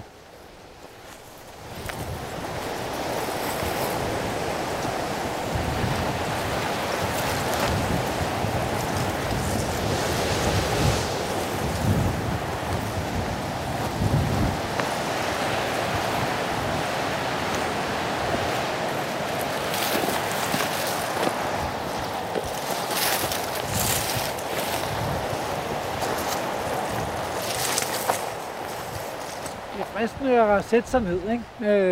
Øh, og komme lidt endnu mere i læ. Men der er faktisk mere læ herinde, end der var derude, hvor vi stod før. Øhm, og det er jo blandt andet de her buske, som giver læ. Så, så vi, vi, man skal ikke kun tale ondt om buske. Heller ikke engang gøvel. Nej, lige nu så giver det mening. Men Men, vi er også kommet lidt ned i en lavning, det hjælper også lidt på det. men der er, jeg kan se spor af, af dyr. Ikke? Der, er noget, øh, der er noget forstyrret sand, hvor man kan for- forvente, eller fornemme, at der er nogle dyr, der har gået og trampet lidt og rodet lidt. Og så er der, øh, jeg synes også, jeg så, så, så gamle, gamle kokasser, var det måske, eller hvad? Hvad er det for nogle dyr, der, der- eller er det der- hestepærer, der- eller hvad er det for nogle dyr, Nej, der går nej, herinde? Jeg tror, det er kreaturer, der går der. Eller tror, Ja. det er kreaturer, der går ja. herude. Ja. Okay, så den der lov, vi gik ind af, den øh, fortæller os, at, at her er der faktisk græsning på. Det kan man også godt se, når man kigger op på de skrænter der, som øh, over ved parkeringspladsen var meget tilgroet, at her er der faktisk åben græsset vegetation imellem buskene. Og der har du også både kustnellike og knopnellike hernede i mængder, når det er. Og det var to fine græslandsplanter, Ja, som ikke er helt almindelige i Danmark. Måske lidt knyttet til, i hvert fald, knopnelliken er knyttet til det her tørre storebæltsklima. Og kustnelliken, den kan godt lide sådan lidt mere sådan lidt kalkrig græslandsvegetation, hvor den kan få lov til at, at den bliver lidt høj og sætter sine blomster på sådan en høj, smal stilk. Så den kan ikke lide, at der er græsset alt for hårdt ned. Den skal ligesom have lov til også at komme op, måske i bideskjul, øh, for at sætte sine blomster. To fine arter, som er værd at passe på. Øhm, men, men her er det så lykkedes at have græsne dyr. ja de, de, har, de har været her, jeg tror, der har været græsne dyr herude, også eh, før det blev Syddjurs Kommune. Øhm, I hvert fald i, i, i hele perioden her, men jeg tror, at der, altså, jeg tror ikke, der er vintergræsning her, og jeg tror, øhm, måske er græsningstrykket heller ikke helt øh, afpasset, men, men de, de, kan, de, de kan til synligheden ikke blive, lide, gyvel så godt. Okay. Så, øh, så det er ikke nødvendigvis måden at bekæmpe gyvel på, men er det ikke også det, vi har set fra Mols Laboratoriet, at Jo, altså, den er lidt giftig, den der gyvel, så de, Nej. de kan godt nippe lidt af den, men de kan ikke rigtig sådan æde, æde sig ind i bund med den. det, det virker sådan, og, og, og det virker lidt som om, at, at det, det er den eneste metode, som Mols Laboratoriet prøver at køre efter, som egentlig virker og tiltaler os op i mit hoved, fordi vi bruger mange ressourcer på det. Vi får den ikke fjernet her. Øhm, jeg synes ikke, der ser specielt smukt ud op på Mols Laboratoriet over det hele, når man ser arealerne i dag.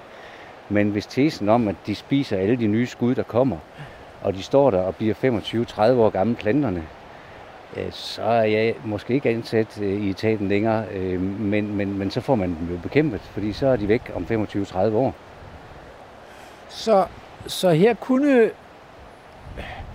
Så der er ligesom to forskellige tilgange til de her problemarter. Den ene, det er at give dem tæsk, altså virkelig Mm. forstyrre dem, skære ja. dem ned, græs dem osv. Og den anden tilgang er at lade tiden gøre arbejdet. Ja. Fordi både rosen, eller både, både gyvlen her, men måske også den rynkede rose, har det også med at, at skyde igen, når de bliver forstyrret. Jeg tror så måske, det er svært at få den spist op. Altså, der, der, er- der er vist nogle får, og så noget rundt omkring, der godt gider at spise rynke rose i bund. Øh, men, men jeg har ikke kendskab til kreaturer, skorstræk heste, der Nej. er helt vilde med at gøre det. Men øh, Men slåningen og tæskene, det går jo så også ud over resten af vegetationen, så hvis man ikke målretter det til nogle indsatser, hvor, hvor øvrige ting ikke blomstrer i hvert fald, så, så, så, så, så, så slår man jo også dem ihjel og sørger for, at der ikke er føde til insekterne. Og det kan øh, man jo også risikere med fårene, og det har vi også berørt tidligere i programmer, at, at får har jo en forkærlighed for Mm. øh, blomster. Ja. Så de æder ligesom blomsterne først. Øh, og så kan det jo være meget godt, hvis de også æder roserne, men, men øh, så er vi tilbage ved det der med, at bekæmpelsen risikerer at gøre mere skade end gavn nogle gange. Ja. Det er ikke nemt, var Nej, med egentlig den ikke. der natur. Naturen er kompliceret. Du lytter til Radio 4.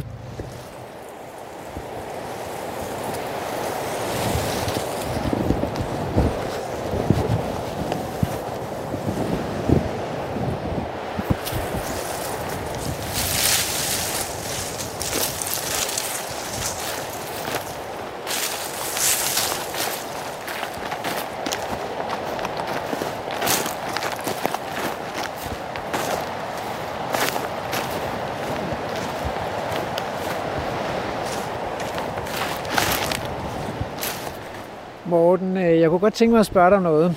Hjemme i min have, ikke, der har jeg også nogle onde urter. Øh, Men den, min have er kun 300 kvadratmeter stor.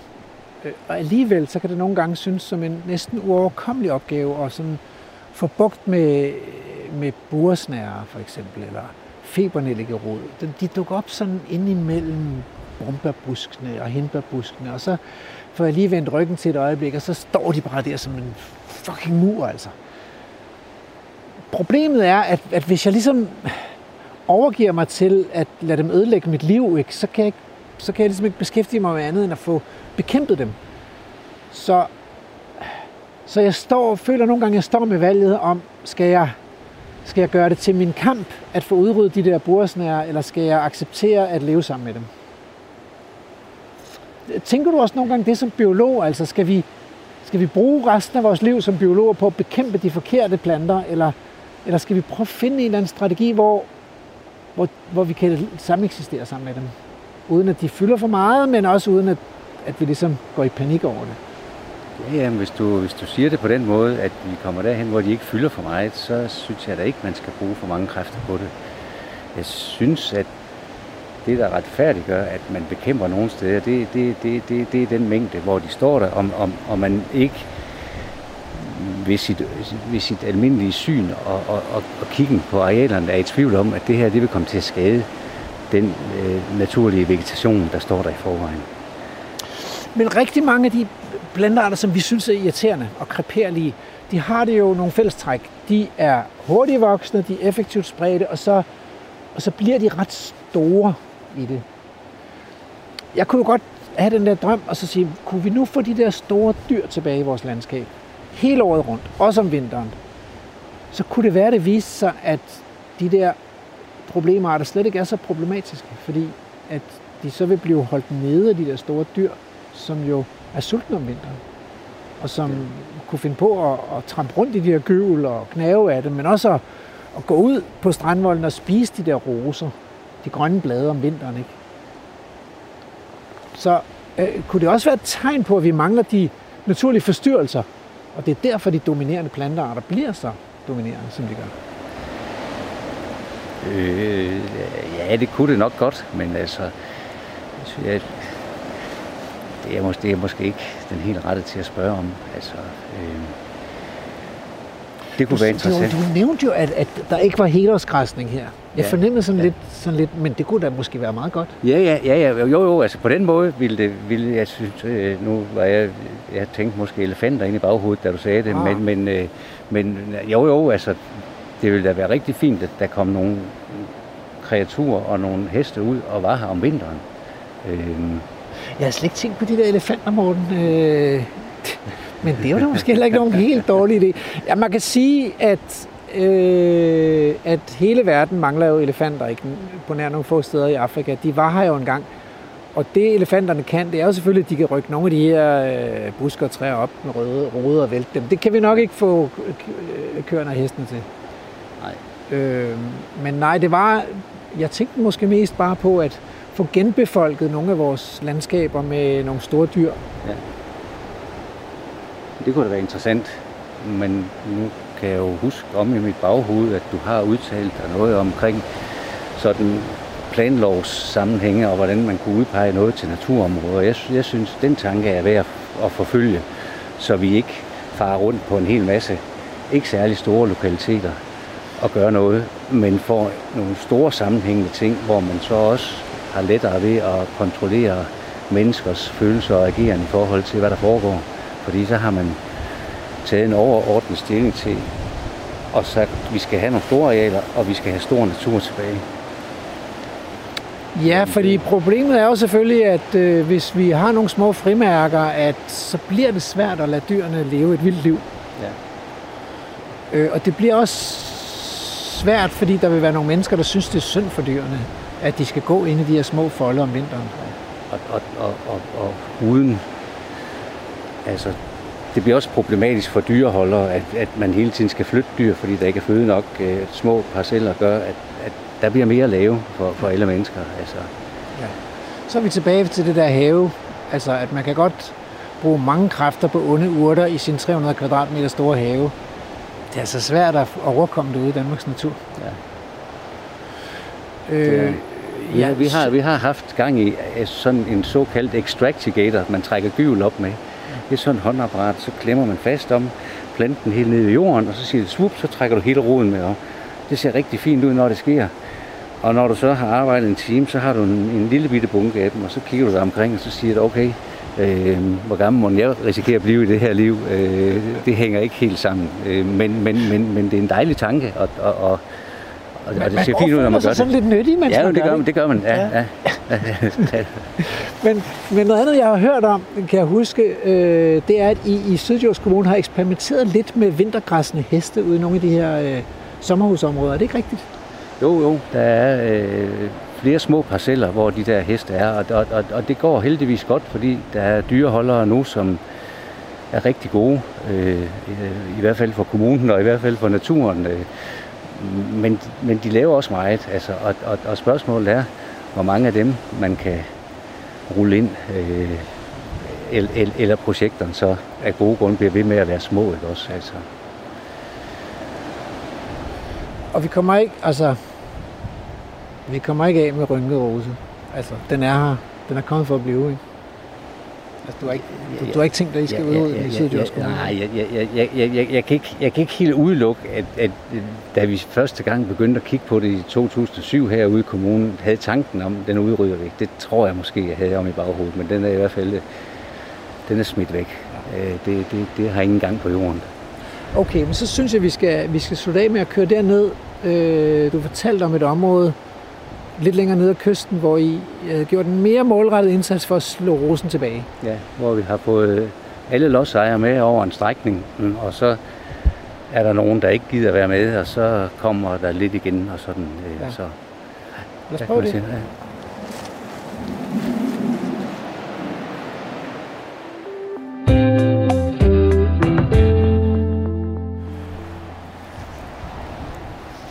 Du lytter til Vildspor, og vi, vi er som sædvanligt, havde jeg sagt, taget ud i naturen. Øh, og ude i naturen betyder, at vi befinder os på Mols, øh, ved Strands, ved kysten. Man kan høre havet og blæsten. Og, og vi taler i dagens øh, afsnit om øh, invasive plantearter, der ligesom fortrænger den øh, hjemmehørende biodiversitet.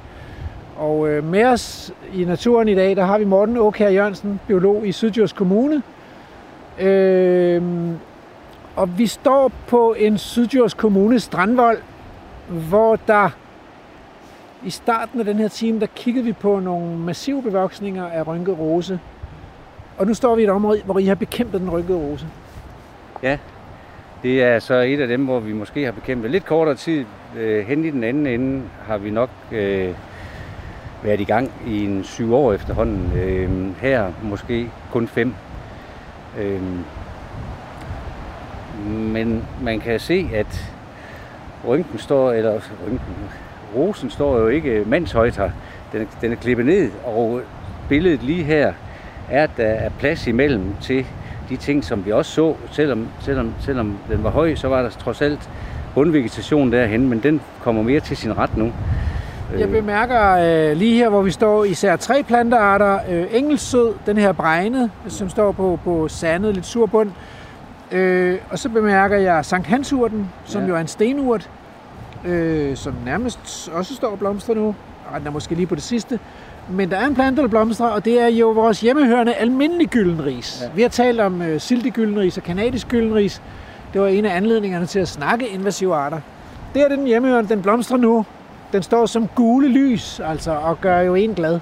Ja, Og der er ikke så rasende meget rynket rose her. Der er i hvert fald langt imellem skuddene, ja. og de er lave. Det ser, det ser tyndere ud nu, ikke også? Jo. Og, og, og, og så må man sige, det kan godt være, at, at man skal fortsætte med den her drift. Øh, forhåbentlig ikke i mange år, men, men måske i mange år. Øh, og måske skal man have lidt hjælp af dem. Der, altså, nu sagde du, at vi var på Sydjurs areal. Vi er på et areal, der plejes af os, men det er privat hernede det hele. Så alt, alt hvad der ligger på vandsiden hernede, det er privat. Og som, Men altså, hvad vil de sige, hvis man sagde, øh, skulle vi ikke prøve at lave en lang indhegning her, og så have nogle vintergræsne heste? Ja, det kunne være sjovt at finde ud af. Altså, så langt er vi ikke, at vi har prøvet det. Jeg, jeg har inde i mit baghoved, men jeg er også en bange mand, Jeg, jeg, jeg, jeg, tror ikke, man kommer så langt hernede, men det, det er bare sådan historikken inde i mit hoved om, og, og tidligere, hvor man har prøvet sådan noget. Der, folk bliver meget øh, let oprevne over, at græsningen kommer til at foregå helt nede ved stranden, hvor de nu har retten til at være. Ja, og det er jo ikke så få, altså hvis, hvis, hvis hver af de der sommerhuse har en procent hernede, det er jo ikke så få mennesker, man skal blive enige med. Man skal have fat i en del mennesker, hvis man skal have hele strækningen med. Også man kunne sige, man kunne også godt dele, det, det kunne jo deles ind og sige, hvis de mennesker, hvor vi har slået nu, var med på det, øh, så var det da en start. Det kunne også godt være, at der var nogle af dem, som, som hvis de så, hvor hyggelige de der heste var, altså sådan nogle små ponyer, der går, og man kan hilse på dem og sådan noget, at de så ville, øh, ville kunne overtales. Det behøver ja. ikke at være om sommeren jo, når de lige bader. Nej, det ville jo være rigtig fint, at, at de egentlig kun var her i vinterhalvår, både for det ene og det andet. Ja. Jeg tror, naturen ville have bedst af det, øh, og, og det ville menneskernes og deres hoveder også. Der er jo det ved det, at, at på sådan nogle naturligt næringsfattige arealer, hvis man har den der vintergræsning, der giver lidt forstyrrelser i bunden, så kan det resultere i en meget blomsterrig vegetation om sommeren. Ja. Jeg kunne også lige se, der var noget... Hvad er det derovre? Er det noget vildt gulderod, der står hernede? Det tror jeg næsten, det er. Ja, ja, den står lige der i hvert fald i større eksemplarer. Ja, det gør den også, ja. Så det er det selvfølgelig, ja. Jamen altså, øh, det tænker jeg kunne blive ganske fin, ganske fin overdrevsvegetation, der kunne være på den her øh, strandvold. Ja. Kan man bruge naturbeskyttelsesloven til noget? Altså, og så sige, kære venner, altså det, I har et sommerhus, og det er et dejligt sted, men I har også noget beskyttet natur. Så vi bliver nødt til at gøre et eller andet for at få den til at trives. Ja, og det kan jo så være, øh, har vi, har vi, har vi spillet med åbne kort hernede, det skal jeg ikke kunne sige. Øh, når du nu lige nævner det, så kommer jeg til at tænke over, jeg tror ikke det hernede det er registreret som paragraf 3. Altså, så derfor kan det være, at når vi nu åbner for det her, at vi så risikerer at, og, at øh, sørge for, at folk hernede får et paragraf 3 areal i stedet for en rynket rose eng mark.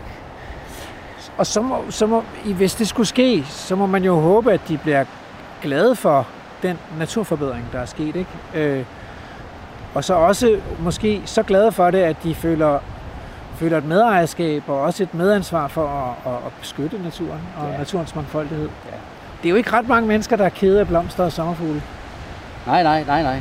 Altså, nogle gange så vil man så vil man kompenseres for at lægge arealer til og sådan noget. Det har jeg da hørt før, men øh, det er jo ikke, det er jo ikke nødvendigvis sådan, det er her, og heller ikke hernede. Øh, Nej, fordi der er jo ikke nogen, der har gang i noget produktion her. Måske er der nogen, der producerer lidt hybenmarmelade, men den er jo ikke lige ved at uddø, den der rose, så, så det kan de jo blive ved med. Så, så, det, så det er jo så herlighedsværdien, ja. folk er her for.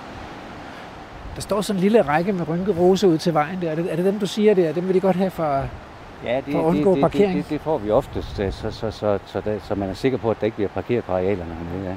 Det er altså ikke nemt at være menneske, og det er ikke nemt at stille mennesker tilfreds. Nej, hvad med jer i Sydjysk Kommune? Er I tilfredse, eller?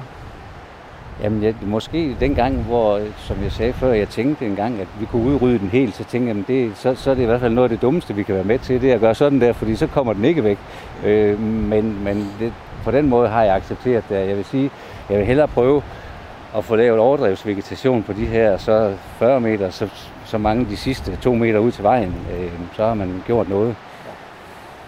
Og så så ved man godt, at man skal holde den i skak på en eller anden måde, så der er, øh, øh, ja, der er et vedligehold hernede, og det kan så være, at vi skal prøve at gå efter en græsning.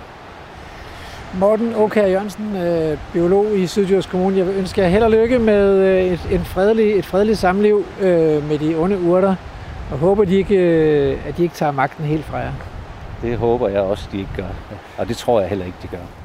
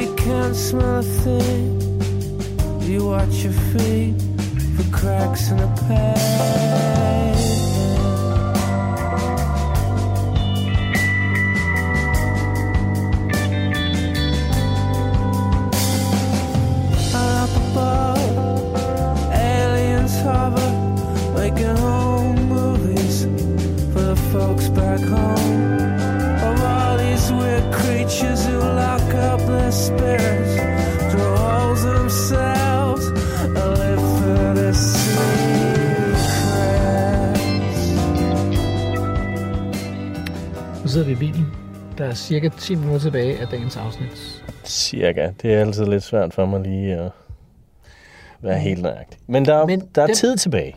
Ja, og den tid skal vi bruge på at være det program i Danmark, der sætter øh, den naturpolitiske dagsorden.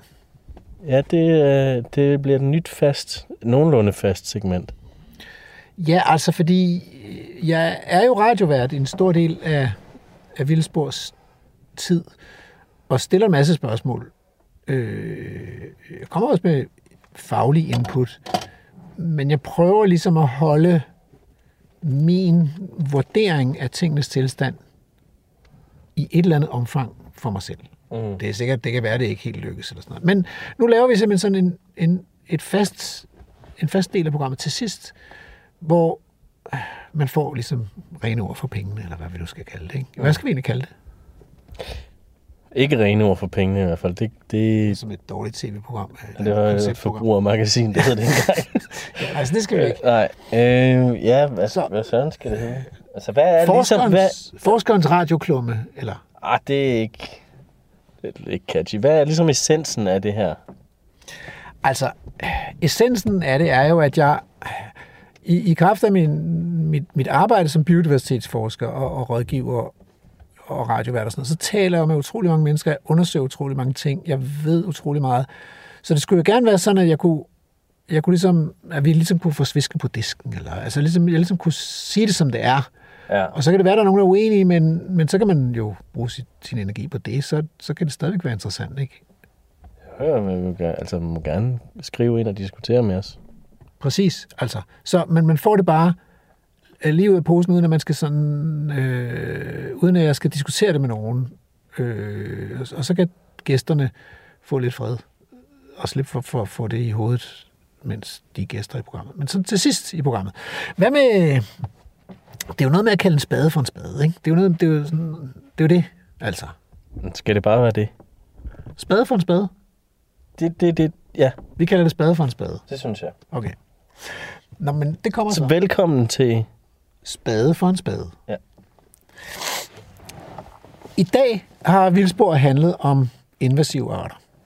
Og der vil jeg godt starte med at sige, at det er jo et, et virkeligt problem med de her invasive arter. Især på øde landområder. For eksempel øde øer, Galapagos. Det er ikke skide smart at få rotter ind på en ø, hvor der yngler en masse endemiske arter, der ruer på jorden, og hvor rotterne så går i gang med at æde deres æg og yngel og simpelthen udradere dem.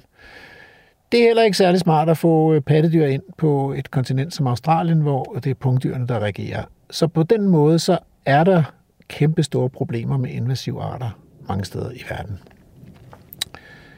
Når det er sagt, så vil jeg sige, at altså, det er jo også rigtigt, at nogle af de invasive arter, der så indvandrer til Danmark, som er en del af et stort sammenhængende kontinent, det er Eurasien, altså Europa og Asien, som hænger rumligt sammen, det er ikke helt den samme type af problemstilling som på de her øde øer, men selvfølgelig er der nogle af de her arter, som kan komme til at dominere. Det vi bare har set i dag, i dagens afsnit af Vildspor, når vi har været ude i den danske natur og studeret det her, både på sådan noget forstyrret, kulturpåvirket ruderat ved en motorvejsafkørsel og ude ved kysten på noget oprindeligt dansk natur med strandvolde og kystskrænter, det er jo, at ja, ja, vi kan godt finde de invasive arter, men de hjemmehørende danske arter er lige så store problemer i naturforvaltningen, fordi de dominerer økosystemerne og tager plads fra de små, sårbare og truede arter og alt deres tilknyttede biodiversitet. Så hvis jeg skulle komme med en hypotese, så er det, at de fremmede arter er hverken værre eller bedre end de hjemmehørende arter, når det gælder om at udøve dominans i økosystemerne. De hjemmehørende arter har givetvis flere, altså plantearter, har givetvis flere tilknyttede insekter, end de fremmede arter har. Så på den måde er der ikke nogen grund til at gå og sprede de fremmede arter. Men der er måske heller ikke grund til at fokusere så meget på, at de fremmede arter er særligt onde og problematisk.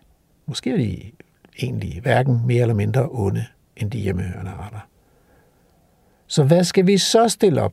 Hvad skal vi så bruge vores energi på i den danske naturforvaltning?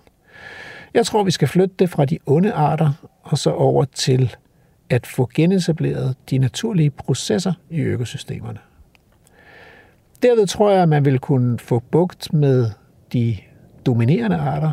De vil stadigvæk være en del af økosystemet, men de vil ikke være en dominerende del af økosystemet, hvis der er naturlige brænde, naturlig kystdynamik, naturlig erosion, naturlige oversvømmelser og store naturlige planteæder i naturlige tætheder hele året rundt.